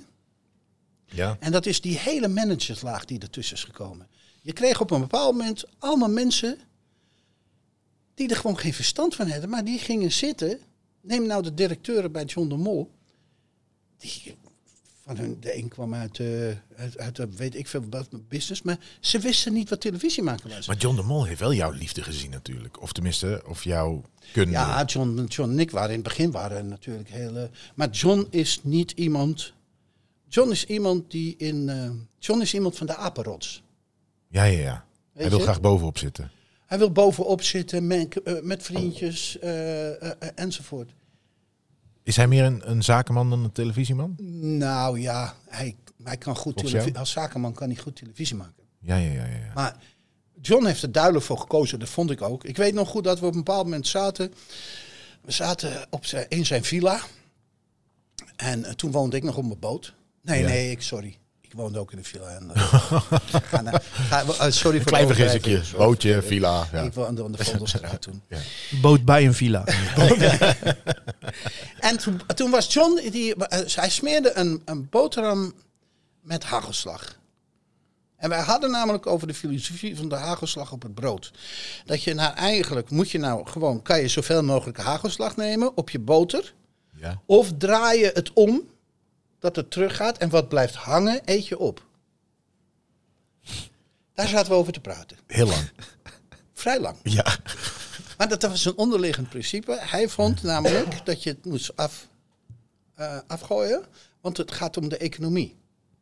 En hij was iemand die het financieel, dus die zekerheid wil hij hebben. Toen zei hij, en weet je waarom? Ik heb, ik de rest van mijn leven, hoef ik me geen zorgen meer te maken, want ik heb geld genoeg nu. Ja. Ik zeg, dat is fantastisch. Ik zeg, ik heb nu ook geld genoeg voor de rest van mijn leven. Maar door mijn slechte mensenkennis Ja. en de manier waarop ik met mensen samenwerk. En dat het me van, ene kant geen, van de ene kant helemaal niks interesseert. Zal ik het straks kwijt zijn. Oh, dat wist je toen. Dat wist ik toen. Ik heb ook in, toen ik naar Thailand ging, heb ik daar bijna een half dorp opgebouwd. Ja. En, en ik ben er ook weggegaan. Ik heb een aantal kinderen daar eh, eh, van, eh, kunnen opvoeden. Dus dat ze kunnen gaan studeren, medische toestanden. En ik ben er weggegaan. Ik heb alles achtergelaten. Maar waarom, ben je, waarom ben je naar Thailand gegaan? Ik, werd eh, op een bepaald moment door een bedrijf gevraagd. Die een bedrijf, dat was een Chinees Thais bedrijf. En die zei, eh, die berichtte mij via een, een politicus of zoiets. En die berichtte mij. ehm, je hebt het meeste hoogste kijkcijfers en de meeste programma's gedaan in Nederland. Zou je naar Oh, Eh, gewoon zou je- statistisch hebben ze gekeken wie Ja, ze is er in. eh, Oké. zou je naar ons toe willen komen? En ik vond het leuk, maar ik zat al een beetje aan het eind, omdat er zoveel managers kwamen. En ik was altijd rechtstreeks in contact met John de Mol. Ja. Want John de Mol werkte allemaal. Maar toen kreeg ik allemaal mensen, die wilden een afspraak met me, of die kwamen langs. En dan zei ze, luister, als ik wat voor je kan doen. Ik ken John de Mol goed. Oh, Dus die hele, die hele managersgroep, die, die nieuwe generatie, die dus geen televisieprogramma's kon maken, maar die, die konden dan zo hun 20% pakken. Maar za- zat daar bij jou een bepaald, bepaald iets van... ehm, nu moet ik eerst met jou praten om bij John te komen. John komt niet meer rechtstreeks naar mij toe. Ik kan niet meer rechtstreeks. Zat daar een bepaalde... eh, eh, eh, iets, iets van wrang of zo? Of?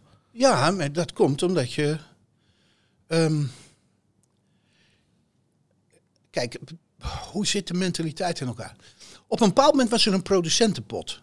Dus het is echt een verhaal wat. er- wat eh, dus een producentenpot is, eh, omdat ik eindproducent was, was ik. eh, eh, kwam er een producentenpot aan, maar dat wist ik niet. Iets van. eh stem Ramadan in. eh, eh, of ja, ja, ja, ja, eh, maar dat wist ik niet. Op een bepaald moment begon John die, waar ik fantastisch mee om. We waren een geheim, we hebben gelachen. Zegt tegen mij: kan ik niet eindproducent worden?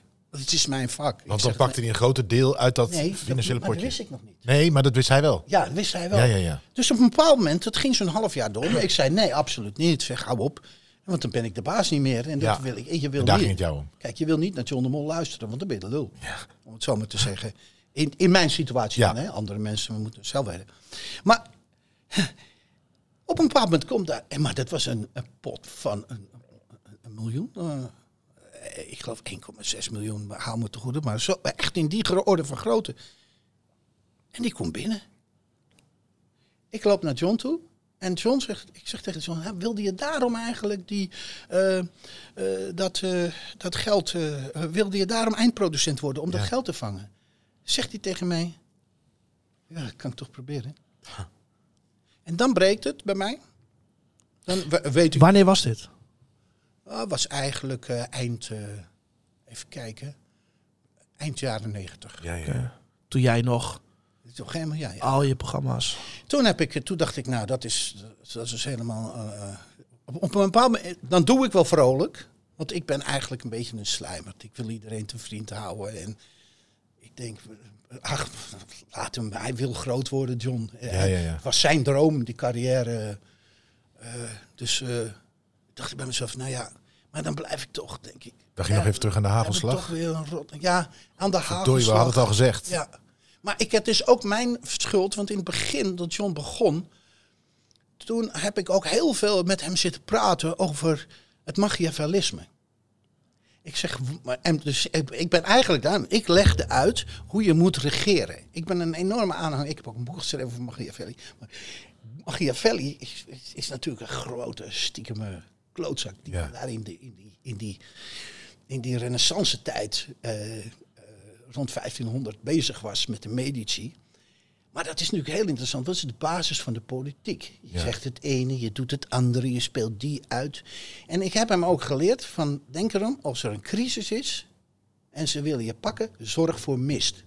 Dat Ja. zegt Machiavelli ook. Ja. Zorg voor mist. Zorg ervoor dat iedereen de weg kwijt. En ga met een ander item mensen afleiden. Dus eigenlijk, dat, dat heeft hij ook heel goed doorgezet. Ja. Dus ik ben ook een beetje, ik voel me ook verantwoordelijk. Je hebt hem eigenlijk dat- geleerd hoe hij jou... Ja, maar hij heeft mij nooit, eh, nee nee, ik- hij heeft Het mij is niet nooit, gelukt doordat je die, Nee, pot- die eindredactie niet weg hebt gegeven. ook. Maar ik heb er nooit last van gehad. Ik vind het onderdeel van het spel. Ik vind het leuk. Alright. Ja. Als mensen dat willen, prima. Ja. Dat doen politici ook, weet Ja. je. Dus dat is, eh, en, en, en zakenmensen, en als je iets in de markt zet en weet ik veel. Maar voor mezelf werkt het niet. Ik, ik, word- op een bepaald moment word ik giftig, denk ik, nou, dat is klaar. Toen kreeg ik dat bericht van, eh, zou je even langs kunnen komen? Toen stond er een privévliegtuig, stond er klaar op, de, op eh, Schiphol. En toen heb ik een, gewoon een lijnvlucht genomen. Want ik denk, ik neem van niemand wat aan. Waar had je afgesproken? Oké. Had ik niet afgesproken. Oh, dat was Thailand. dat was Thailand, Ja. ja. Toen ben ik naar Thailand gegaan. Toen zeiden ze van, waarom heb je die eh, het, eh, privévliegtuig niet genomen? Ik zeg, nou, dat, eh, ik heb mijn Was dat, vliegtuig. was dat voor of na het eh, faillissement? ja. Was dat voor of na het faillissement? Eh, het was alweer daarna, ja. Oké. Het nou.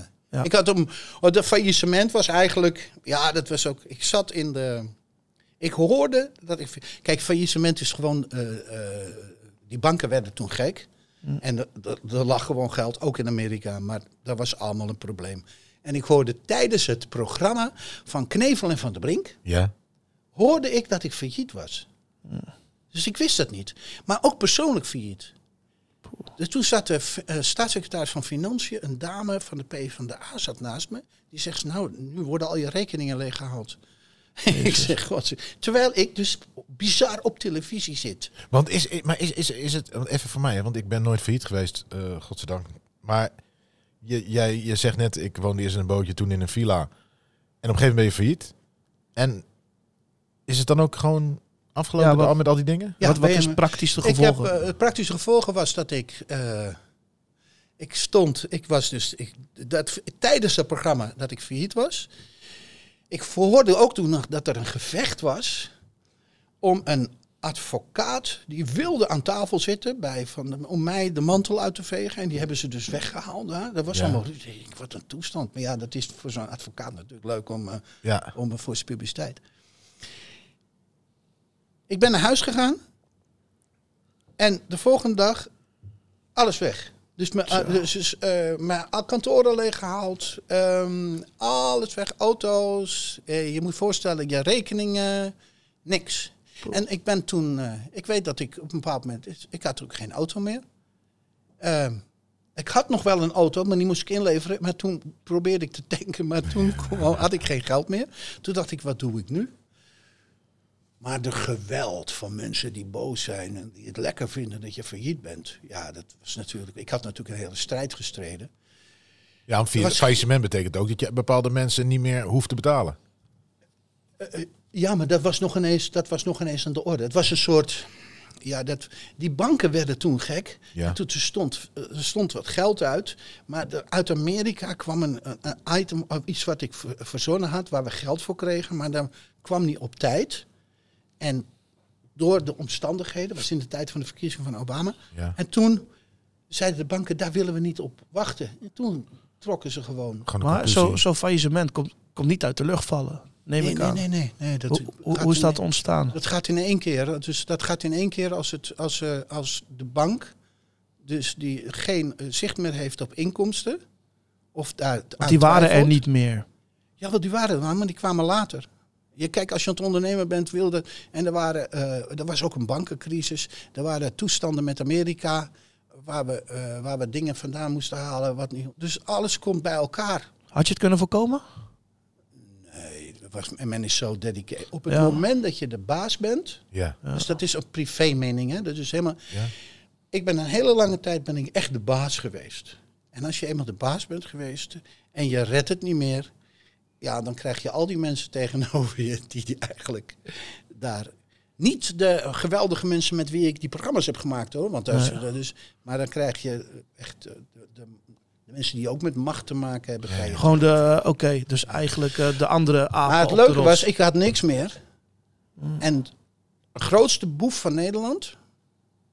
En een ontzettende aardige man die ook zit in, eh, hoe heet hij nou ook weer, die ook zit in dat eh antiek programma, of dat, dat je dingen opkoopt op eh, Nederland 1. Eh, die Rob, Rob, eh, nou weet ik niet meer. Die waren de enige twee. Een hele grote boef uit Den Haag, die ook levenslang gevastzet, die deed de gemeenste dingen. Die belde mij op en die zegt, kom even langs, geef ik je wat. Oh, ja. Oh, echt? Want ik weet wat het is.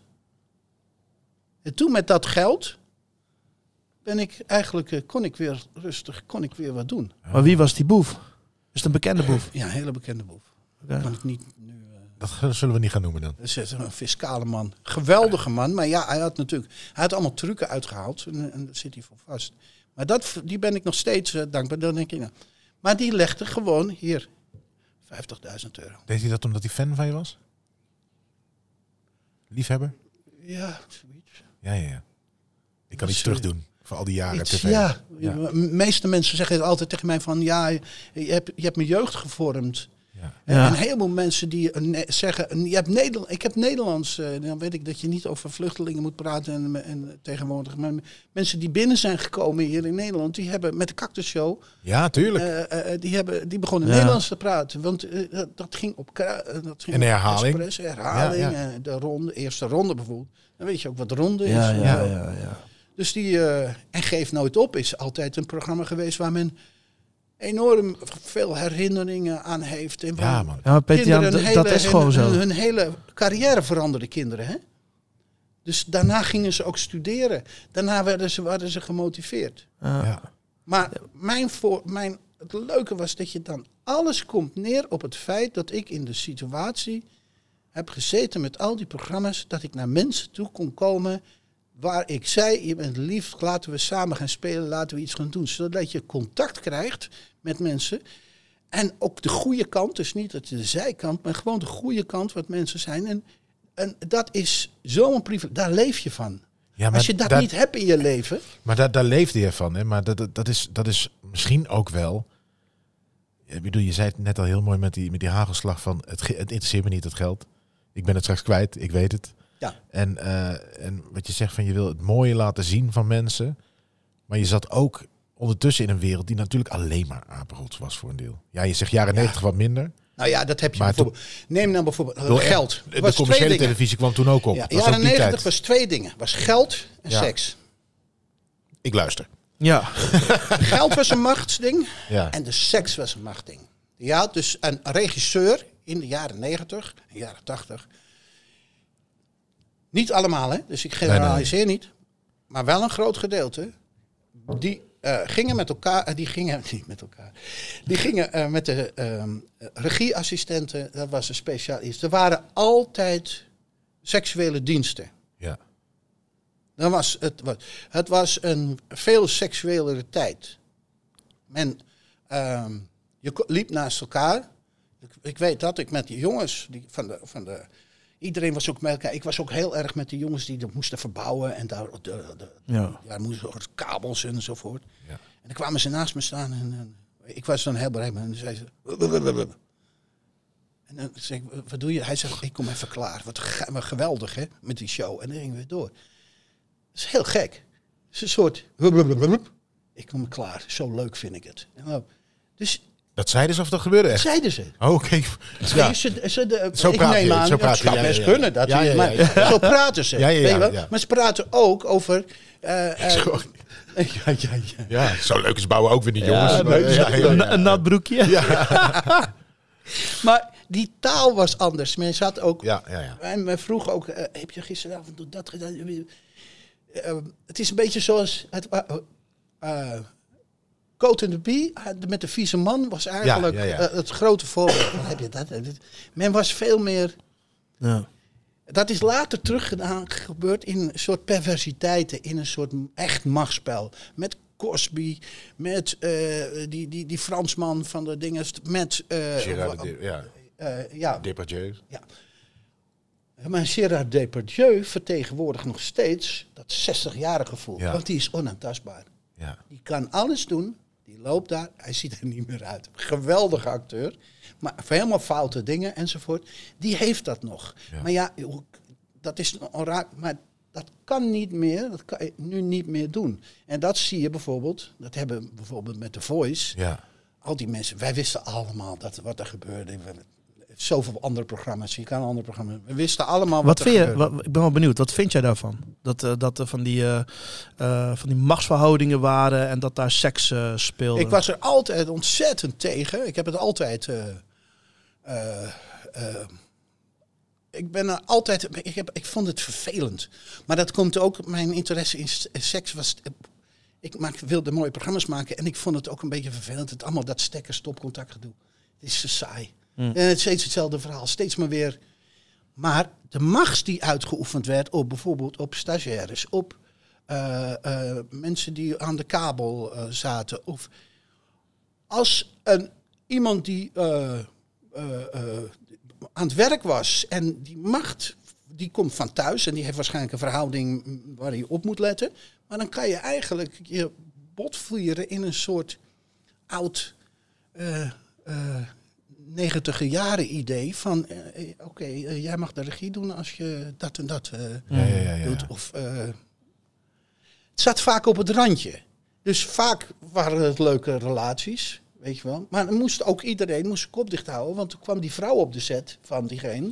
ja, nou, we allemaal. eh, waar wij het over gehad hebben Ja, in ja. de auto. eh, ja. Ja, het, het is. Het is ehm, er- er zit natuurlijk een hoop eh, verschil in. eh, De vrijwilligheid van alles. En wat ik van jou hoor, is dat het in de jaren negentig voor iedereen bekender of normaler was. Ja. Maar als ze nu die doos ja, maar het is open een kwestie gaan. van dan- status. dan- dan- Het is een kwestie van status. Als je als regisseur was je een hele bink ja, als je dat, als je ook nog die had. ja, ja, ja. Heb, je, heb, je, heb je zelf ook die gevoelens gehad?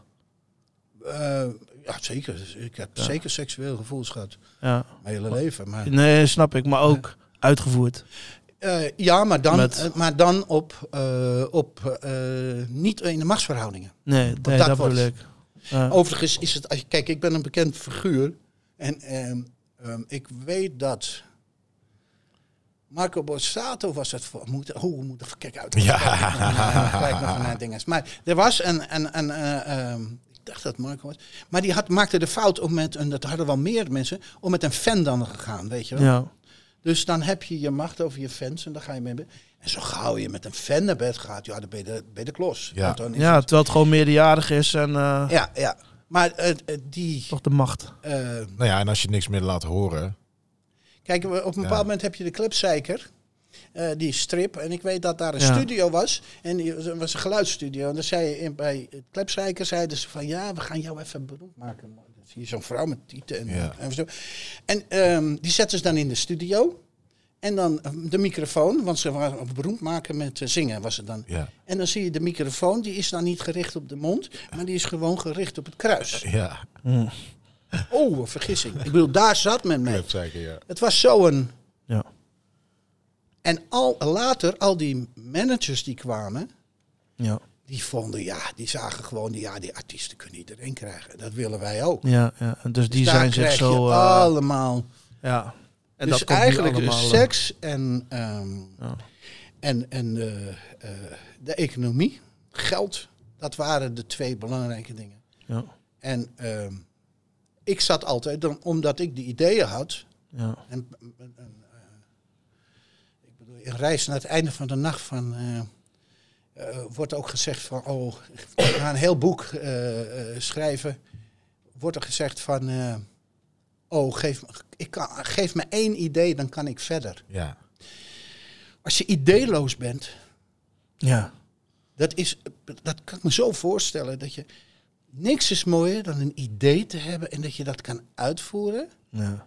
Met het gevoel dat deze variatie, want alles is al een keer uitgevonden, dat dat iets is wat je gedaan dan Dat is zo'n geweldig gevoel. Dan creëer je iets. Ja, je laat wat achter. Ja, je laat wat achter of je, Ja. je, je, je ziet mensen lachen en denk je, ja, het is goed.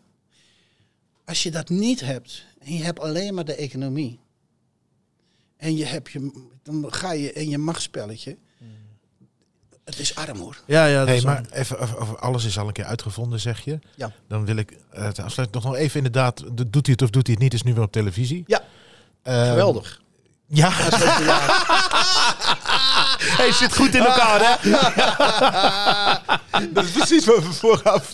we gaan het er wel over hebben. Maar daar wil ik het echt nog even over hebben. Ja. Want ehm, ik heb het ook gezien. Het is, eh, nou, wat, wat we net al zeiden, jou doet hij het of doet hij het niet, was natuurlijk een showtrap met ballet. En er was een musical item tussendoor. En het, het Zangers. kon niet op. Ja, Het was een zaterdagavondgevoel. ja. En, en nu Samen zo, met Jos ja, brengt die had eh, dan, werden dat. eh, werden dat. Ja, Maar dat was weer het verschil. Jos moest, die was presentator ingehuurd. Die moest luisteren Ja, naar ja. Van der Ende. Ja. En dat was een soort papa die dat allemaal deed. Ik stond daar met alle, en ik was de baas, met allemaal tandenknarsende mensen die, eh, die dat niet gewend waren. ja. Dus, eh, dus als ik een nieuwe regisseur kreeg, die kwam uit het Van der Ende kamp, die zat, die, dat die mocht mij niet onderbreken. Ja, maar dat was wat hoor. Het was een strijd, joh. Oh. Zeker. Maar je zag nu de nieuwe versie. De nieuwe versie is, eh, ja, ik, eigenlijk heb ik, ik vind het geweldig dat het programma er is, alleen ze hebben het zo verpest. Ik was ermee bezig, voornamelijk op de straat in, ehm, in Limburg, bij TV11. Geweldige stationnetje. Ik denk, daar ga ik het gewoon doen. Nu onlangs, hè? Ja, onlangs. ja, ja. Ik ben nu met een nieuwe eh, zender bezig, dus daar komen we ook weer uit. Maar doet hij het of doet hij het niet? eh, is, hebben ze gewoon, terwijl ik op, de op een officiële zender was, hebben ze het gewoon genomen.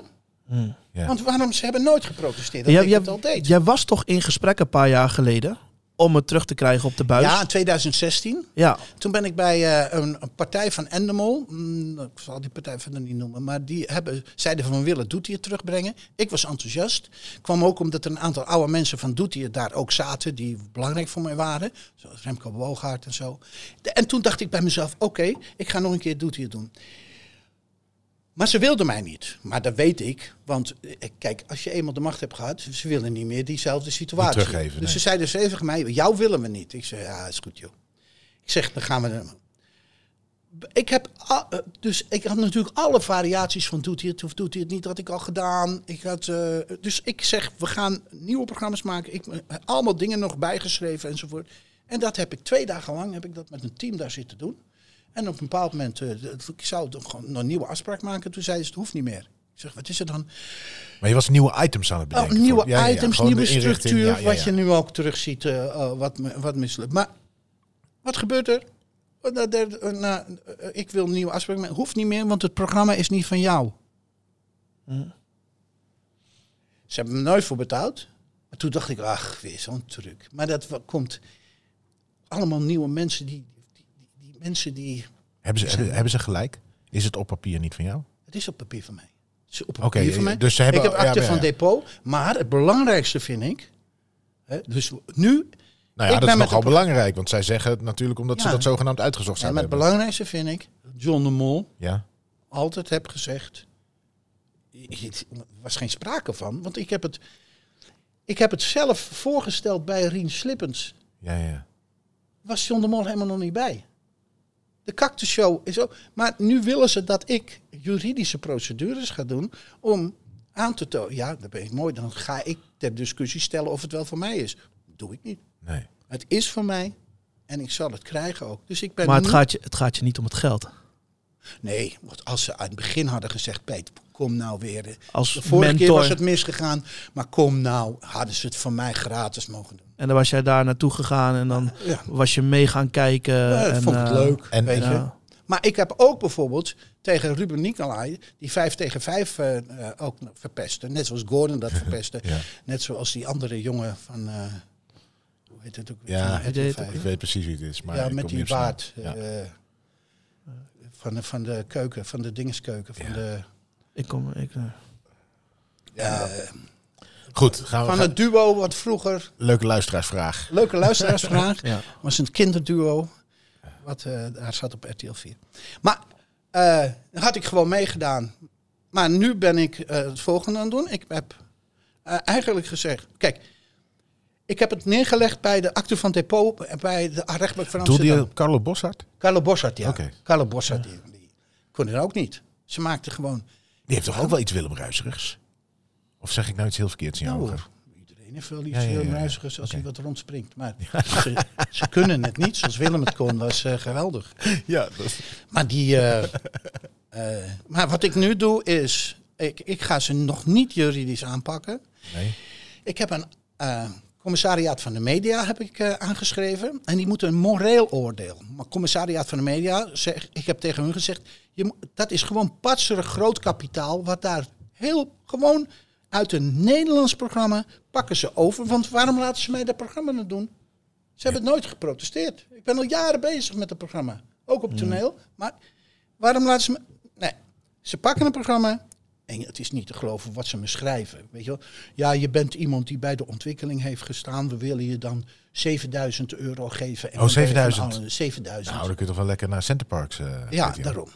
Dus doet hij het of doet hij het niet? Maar erg boos. we- Daar, daar- Ja, zo nare mensen. Nare nou, wat ik nu doe is, eh, eh, ik probeer het commissariaat van de media zo te krijgen dat ze een moreel oordeel doen, om het groot patserige gevoel wat je tegenwoordig met televisie hebt, dat ze dat nou eens berispen. Ja, ja. Want ze hebben mij hebben ze ooit verboden om Haribo reclame te maken. Waarom? Onbegrijpelijk. Onbegrijpelijk. Haribo. En ehm, die Haribo reclame, die had ik ook verzonnen. Hè? Die had ik ook eh, Oh, echt? gedaan. Ja, dat heb ik Ja, maar ik, daar zat ik nog aan te denken. Ik denk, jij vertelt het hele verhaal. Jij bent overal in charge. Jij gaat niet zomaar in een reclame eh, spelen. Dat Nee, moet dat je ook. Dat moet jij geregisseerd hebben. Ik, moet het, eh, ik heb het idee verzonnen. Ik heb Het liedje gedaan. ook? Het liedje ook, ja. Nee, dat was Duits. dat is internationaal. Onbegrijpelijk. Haribo. Haribo. Onbegrijpelijk Haribo. Onbegrijpelijk Haribo. On- Haribo. Tak, tak, tak. Ja, ja, ja, ja. Onbegrijpelijk lekker. Oh, heerlijk. Onbegrijpelijk lekker. Maar, dus daar de- ben ik Oh, ja. dus naar het commissariaat van de media. Ja. Ik heb ook een brief gestuurd naar Luxemburg. Want wat het schofterige is van dit hele eh, situatie. RTL 4 valt niet onder de Nederlandse wetgeving. Onder de eh commissariaat van Daarom ze ooit beginnen als eh, Dus we zitten met een soort buitenlandse macht. Ja. RTL 4. Ja. Die de, Ja, ja, ja. Dus ik heb ook eh, een, eh, een brief gestuurd naar, hun, eh, naar Luxemburg. In het Frans. Want mijn zusje woont in Frankrijk en die spreekt heel goed Frans. Dus ik Ja. heb echt een mooie brief daar naartoe gestuurd. En ik stuur ze nu elke week per aangetekende brief. Want ik kan natuurlijk nooit bij hun accountsysteem komen. Nee. En ik doe het echt als particulier. Want die rechten staan als op mijn naam. Ja. Stuur ik ze voor elke uitgezonden uit- uitzending moeten ze 50.000 euro betalen. Zonder btw, want ik ben geen bedrijf. Maar- Dus 50.000 euro. Dus die stapelen zich nu zes keer 50.000 euro stapelen zich op. Ja. Ja. Maar Peter, Ja. kan je niet gewoon naar de rechter?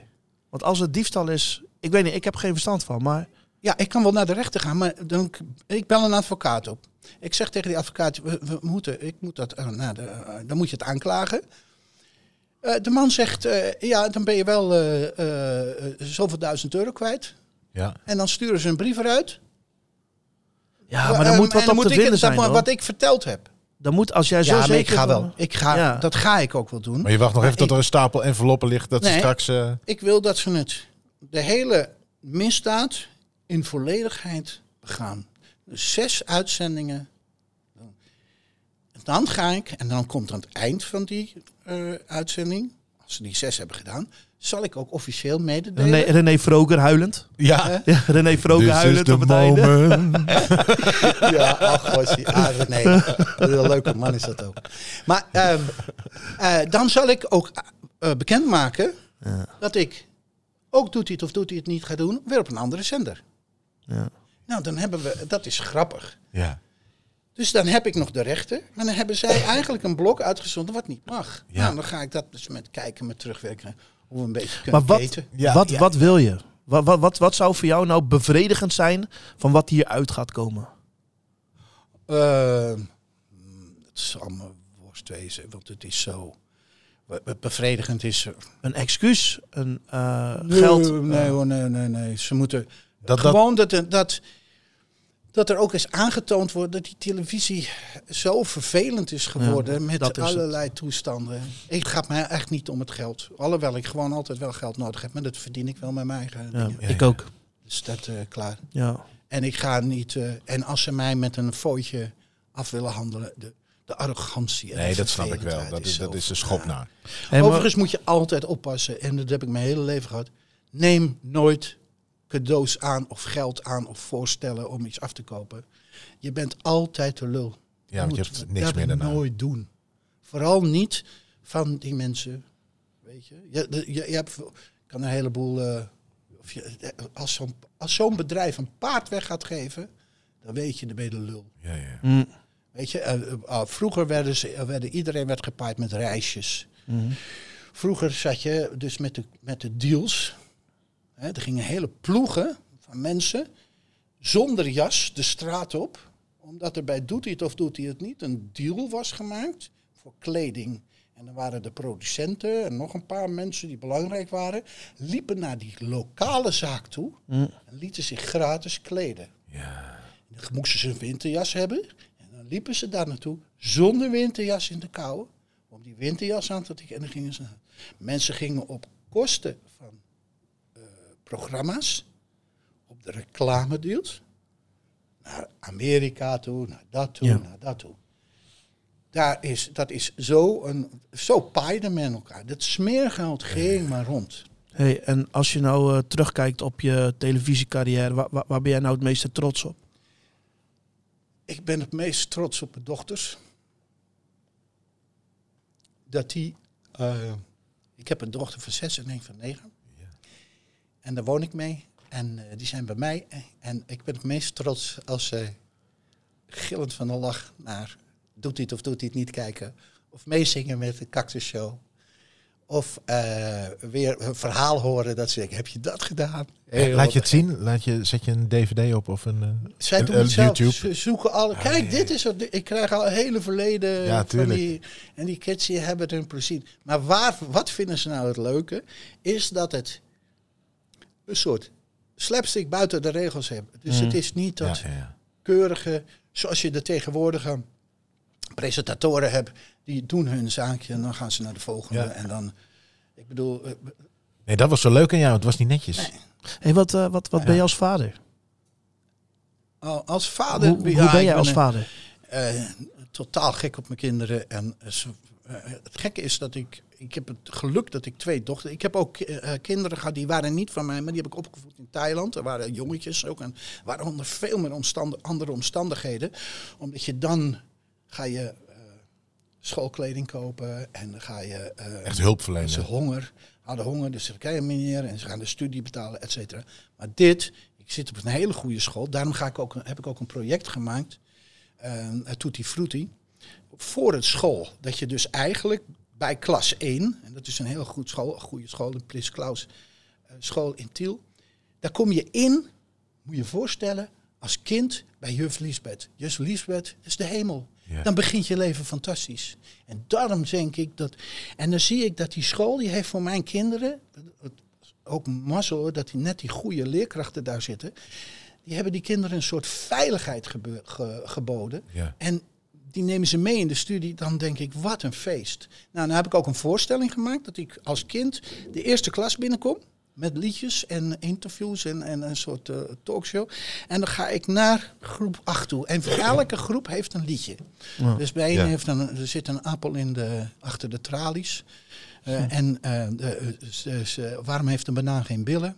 Al die, die, levensvragen Ja, komen ja, de grote- aan de Ja. orde. Ja. Dus Mooi, ik ben man. eigenlijk het meest trots op mijn, eh, op mijn kids die dat. Dan ben, ik, eh, ja, dan ben ik trots op mezelf, hè. Dat zij in ieder geval zeggen, nou. Maar ze zeggen ook vaak, nou ga je te ver. Zo zijn Hey, kinderen we- ook weer. Weet je wat, weet je wat ik ehm, zo tof vind om, om je nu vandaag hier te spreken? Omdat toen ik, ehm, nou ja, toen, toen we deze podcast begonnen was Peter Jan Rens staat natuurlijk daar op het lijstje, want, want we zaten voor de tv eh, met de hele familie.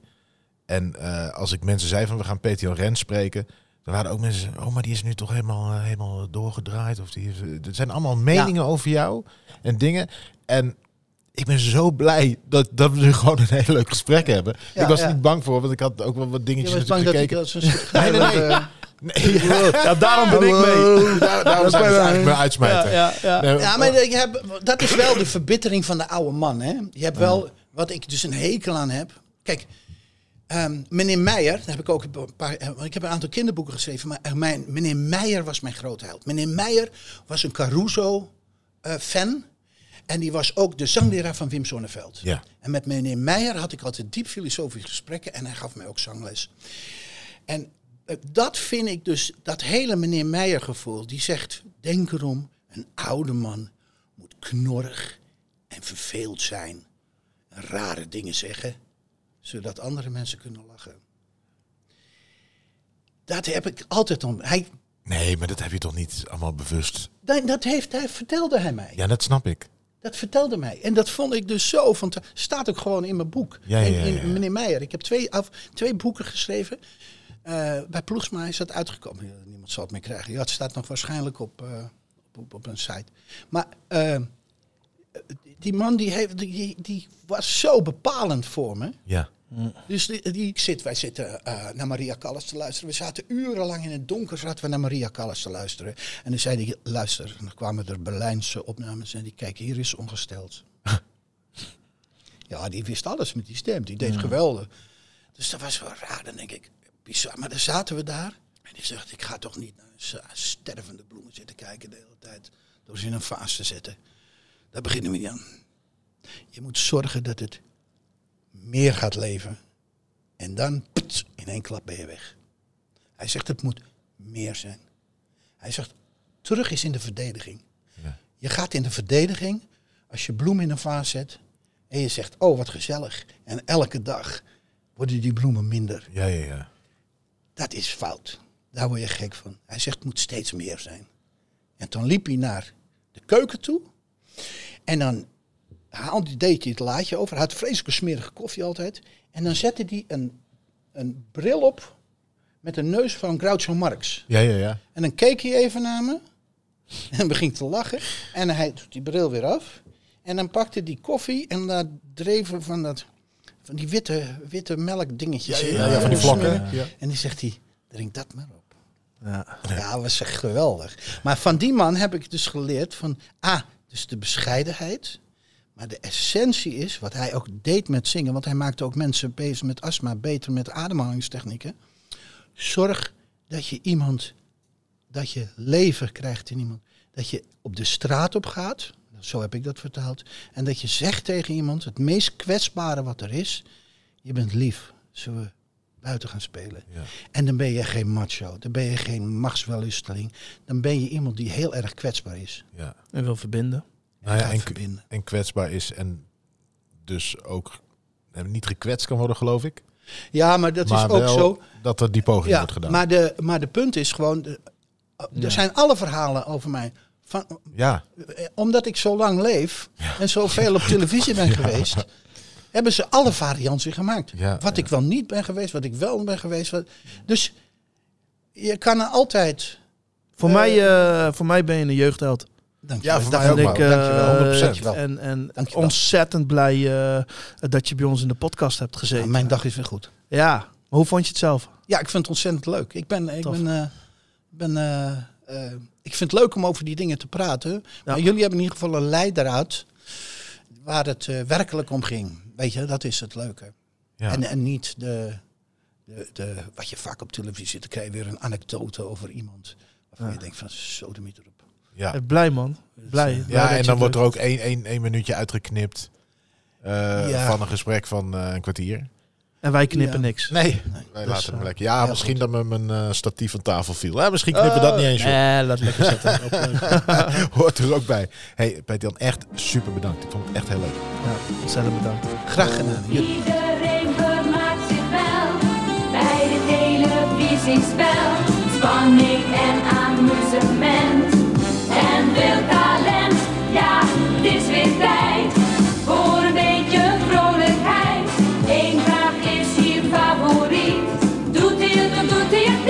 En nu is het tijd voor Legacy of Music. Het item waarin we elke aflevering een 90s track bespreken die ons is opgestuurd door de mensen van Legacy of Music.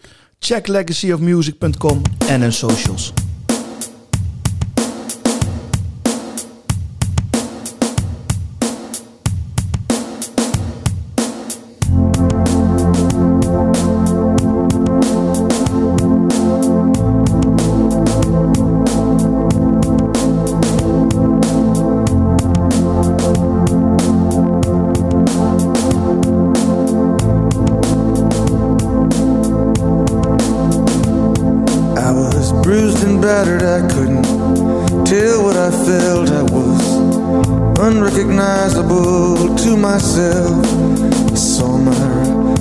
Reflection in a window and didn't know my own face. Oh, brother, are you gonna leave me wasting away on the streets of Philadelphia?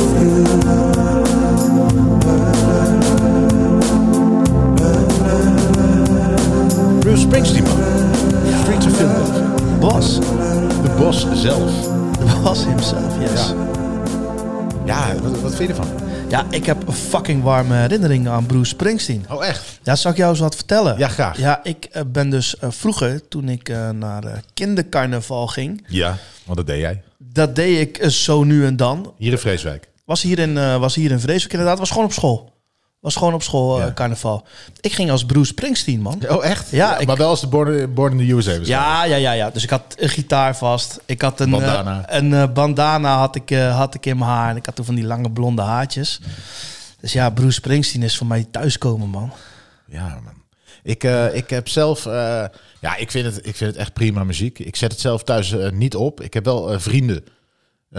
Zeker één, één van mijn vrienden. Die gaat echt door heel Europa naar, naar zijn... ja. Naar zijn concerten toe. En die, die, die is elke keer weer even enthousiast. Omdat Bruce Springsteen wel altijd drie, drieënhalf uur speelt. En eigenlijk altijd met een andere setlist. Gewoon, eh, we hebben vanavond zin in. Zat daar ook niet die, eh, die gast van de Sopranos in als eh, drummer? Oh, dat weet ik Of niet, als man. bas, eh, bas-gitarist? Dat weet ik niet, man. Ken je de Sopranos nog? Ja, ja. Ja, wie, die, die gozer die ook in Lil- Lilyhammer speelt. Ja, ik, ik, ik, ik weet het niet. Oké, nou, dat was dus een, een, Ja? een acteur. En Ja, volgens mij was die ehm, ehm, of drummer of bassist bij eh, de band van Oh, eh, echt? Bruce Springsteen. Ja. Oh, ja, ik, ik, weet, ik weet eigenlijk niet heel veel van hem. Ik weet wel dat ik het... eh, ehm, ja, ik, ik, vind het, ik, vind, ik vind hem een toffe persoonlijkheid of zo. Ik, ik, Ja. geloof, ik geloof hem altijd. Ja. Hij is echt een muzikant en hij doet het uit liefde. Dat straalt hij uit. Dat straalt hij ook uit als ik... Ik heb, ik heb wel eens live beelden gekeken. En, en dan zie je gewoon dat hij nog altijd met evenveel plezier en met dezelfde energie zijn shows doet. Ja, man. Ja, en Born in the USA. Ik heb wel een, een herinnering ook aan dat nummer. Dat ehm, bij een vriendje van mij hadden ze een eh, jukebox thuis. Ja. En met van die singeltjes er nog in. En dan moest je het nummer intypen. En dan was zo'n singeltje die werd uit zo'n, zo'n ronddraaiend ding gehaald. En op, de, op het pick-upje gelegd. Nice. Ja, en dan altijd Born in the USA, man. Dat vond ik echt een, echt een hard nummer. Dat echt een knaller. Dat is wel leuk. dat- Sorry. Ja, nee, vertel, vertel. Het is leuk dat jij die jukebox zegt. Want als ik aan Streets of Philadelphia denk, Ja. dan denk ik aan eh, een eh, zomeravond dat ik in Frankrijk op vakantie was. En vanuit een café de Streets of Philadelphia klonk vanuit een jukebox. Oh, echt? Ja, dat is echt waar. Ik weet nog dat ik een ijsje, ik had een eh, soft ijsje in de, in de tentje daarnaast gehaald. Ja. En we liepen langs. Ja, dus dat nummer is voor mij eh, Ik ga even een afslag maken met de jukebox. leuk. Want eh, in, toen ik op de middelbare school zat, ik zat in Almelo op het PS10 college. En dan gingen wij op vrijdagmiddag gingen we altijd naar de Tapperij. Dat was een kroeg. En dan ging je dan vanaf de derde klas of zo. Ging je daar met Ah, allen- niet vanaf de brugklas. Nee, oké. Nou ja, bijna. maar in die tijd dronk je wat eerder bier. Ja. En, eh, maar dan hadden ze dus ook een jukebox. Maar dat was wel, eh, daar kwamen over het algemeen een beetje alternatievere mensen. Dus er zat veel gitaarmuziek in. Maar eh, er zat ook één nummer in. En ik ging met een vriend van mij, daar moest je dan een kwartje ingooien in die jukebox. En ehm dat was een beetje een friendcurper in die, in die jukebox. En jij gaat er helemaal los als je me hoort. Maar daar vond iedereen het bloedirritant, omdat wij altijd vijf keer achter elkaar een kwartje in het ding gooiden. Oh ja, dus dat en dan had je altijd zo'n rondje. Ik ben benieuwd, man. Ja? Wacht even, dan kwam deze. Je gaat niet geloven. Was het een alternatieve kroeg? Ja. En, en hier werd iedereen zagrijnig van. En ik en Jorrit, een vriend van mij, die, Lachen die juist. gingen- luister. Ja, oh heerlijk. Ja, ja, ja, ja, ja. ja. Maar dit die is? zat hierin. Dit is... eh The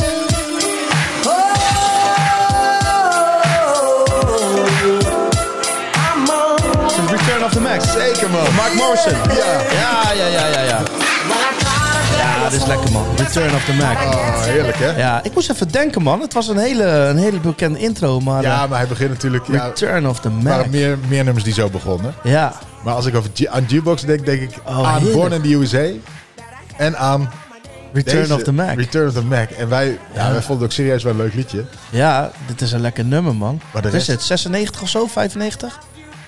Ja, 95, 94 misschien of zelfs wel. Oh ja. Ja, Ja, ja maar dit, is, dit gaat ook weer naar de, naar de swingbeat, naar de R&B toe, ja, ja, je ja, wel? zeker ja. Dat is wel iets waar wij elkaar ook wel in vinden. Ja man, dat vond ik lekker. Ja. Heerlijk. Ja. Wacht even.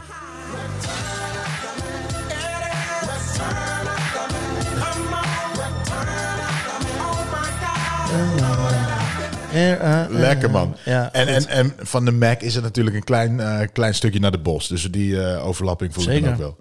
Nou ja, dat, dat nummer, Streets of Philadelphia, het is wel een heel serieus nummer. Ja, Ja, weet je, het was eh, geschreven voor eerst voor een overleden vriend, las Ja. ik. En later is het gelinkt aan de film, dus Philadelphia. ja, ja, ja, ja zeker ja. En het gaat over AIDS-problematiek. ja, ja, ja. Ja, zeker. Ja, nee, het was en eh, het, het, het is, het voelt ook alsof dat is wel. Ik heb de tekst nooit heel goed geluisterd, maar het voelt altijd dat ik denk, ik moet hem een keer heel goed luisteren. Het, het begint heel minimalistisch. Ja. Het is een heel minimalistisch nummer. Hele- het is, het is door. een drum, het is een... eh, een, een Het is ook niet een, een typisch, een typisch, keyboardstring eh, of- typisch ja. Bruce Springsteen nummer, toch? Die heeft Nee, vaak toch wel meer wel een typische clip van Bruce Springsteen. Ja, dat waren altijd verhalen, kijken, Ja, ja, ja, hè? ja. Ja. Voor het raam naar buiten kijken in de metro, geloof ik. Ja, charismatische kerel. Ja, schitterende kerel. Ja.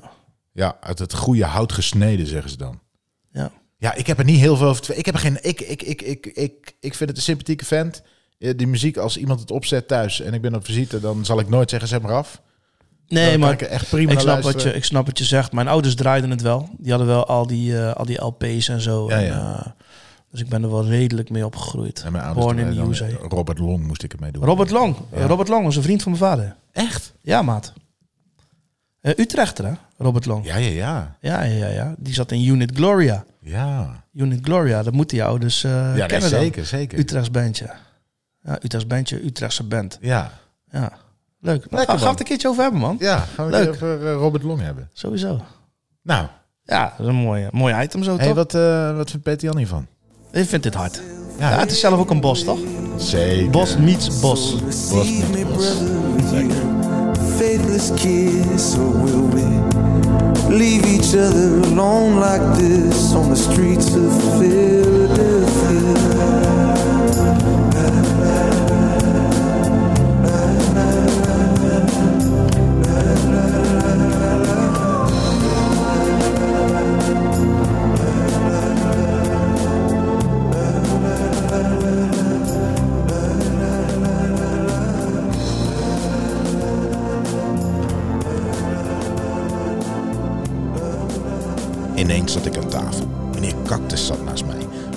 Terug naar woensdagmiddag. Ik keek toen op een rij naar Super Ted en Siebert. Man, wat ging ik uit mijn dak. Maar hij met Kweet niet en mevrouw Stemband, die won het met gemak. En daar zit je dan mee aan tafel. Later ook nog Labyrinth. Hij was al een volwassen man, maar ergens ook nog een groot kind. Bij Doet hij het was er een showtrap en ook nog een heel ballet. Maar kwam de spring in het veld, Peter Jan Rens, dan was het echt pas pret. Ook Geef Nooit Op gingen we kijken. En daarvoor, 5 tegen 5, zo'n beetje alles wat hij presenteerde, prachtig tijdverdrijf. En dan zit je ermee aan tafel. Toch wel een echte 90s held. Ik zat weer even terug in vroeger en dat is wat hier echt geldt. Peter Jan zat op de praatstoel en ik zat daar dus vlakbij. Samen met Remco zaten wij hier weer eens op de eerste rij. En hoe de actualiteit ineens de podcast binnensloop, dat zal wel wezen, kan gebeuren. Ons 90s kinderhart ging kloppen. Dat is wat telt, althans voor ons. Betekent dat een hele hoop.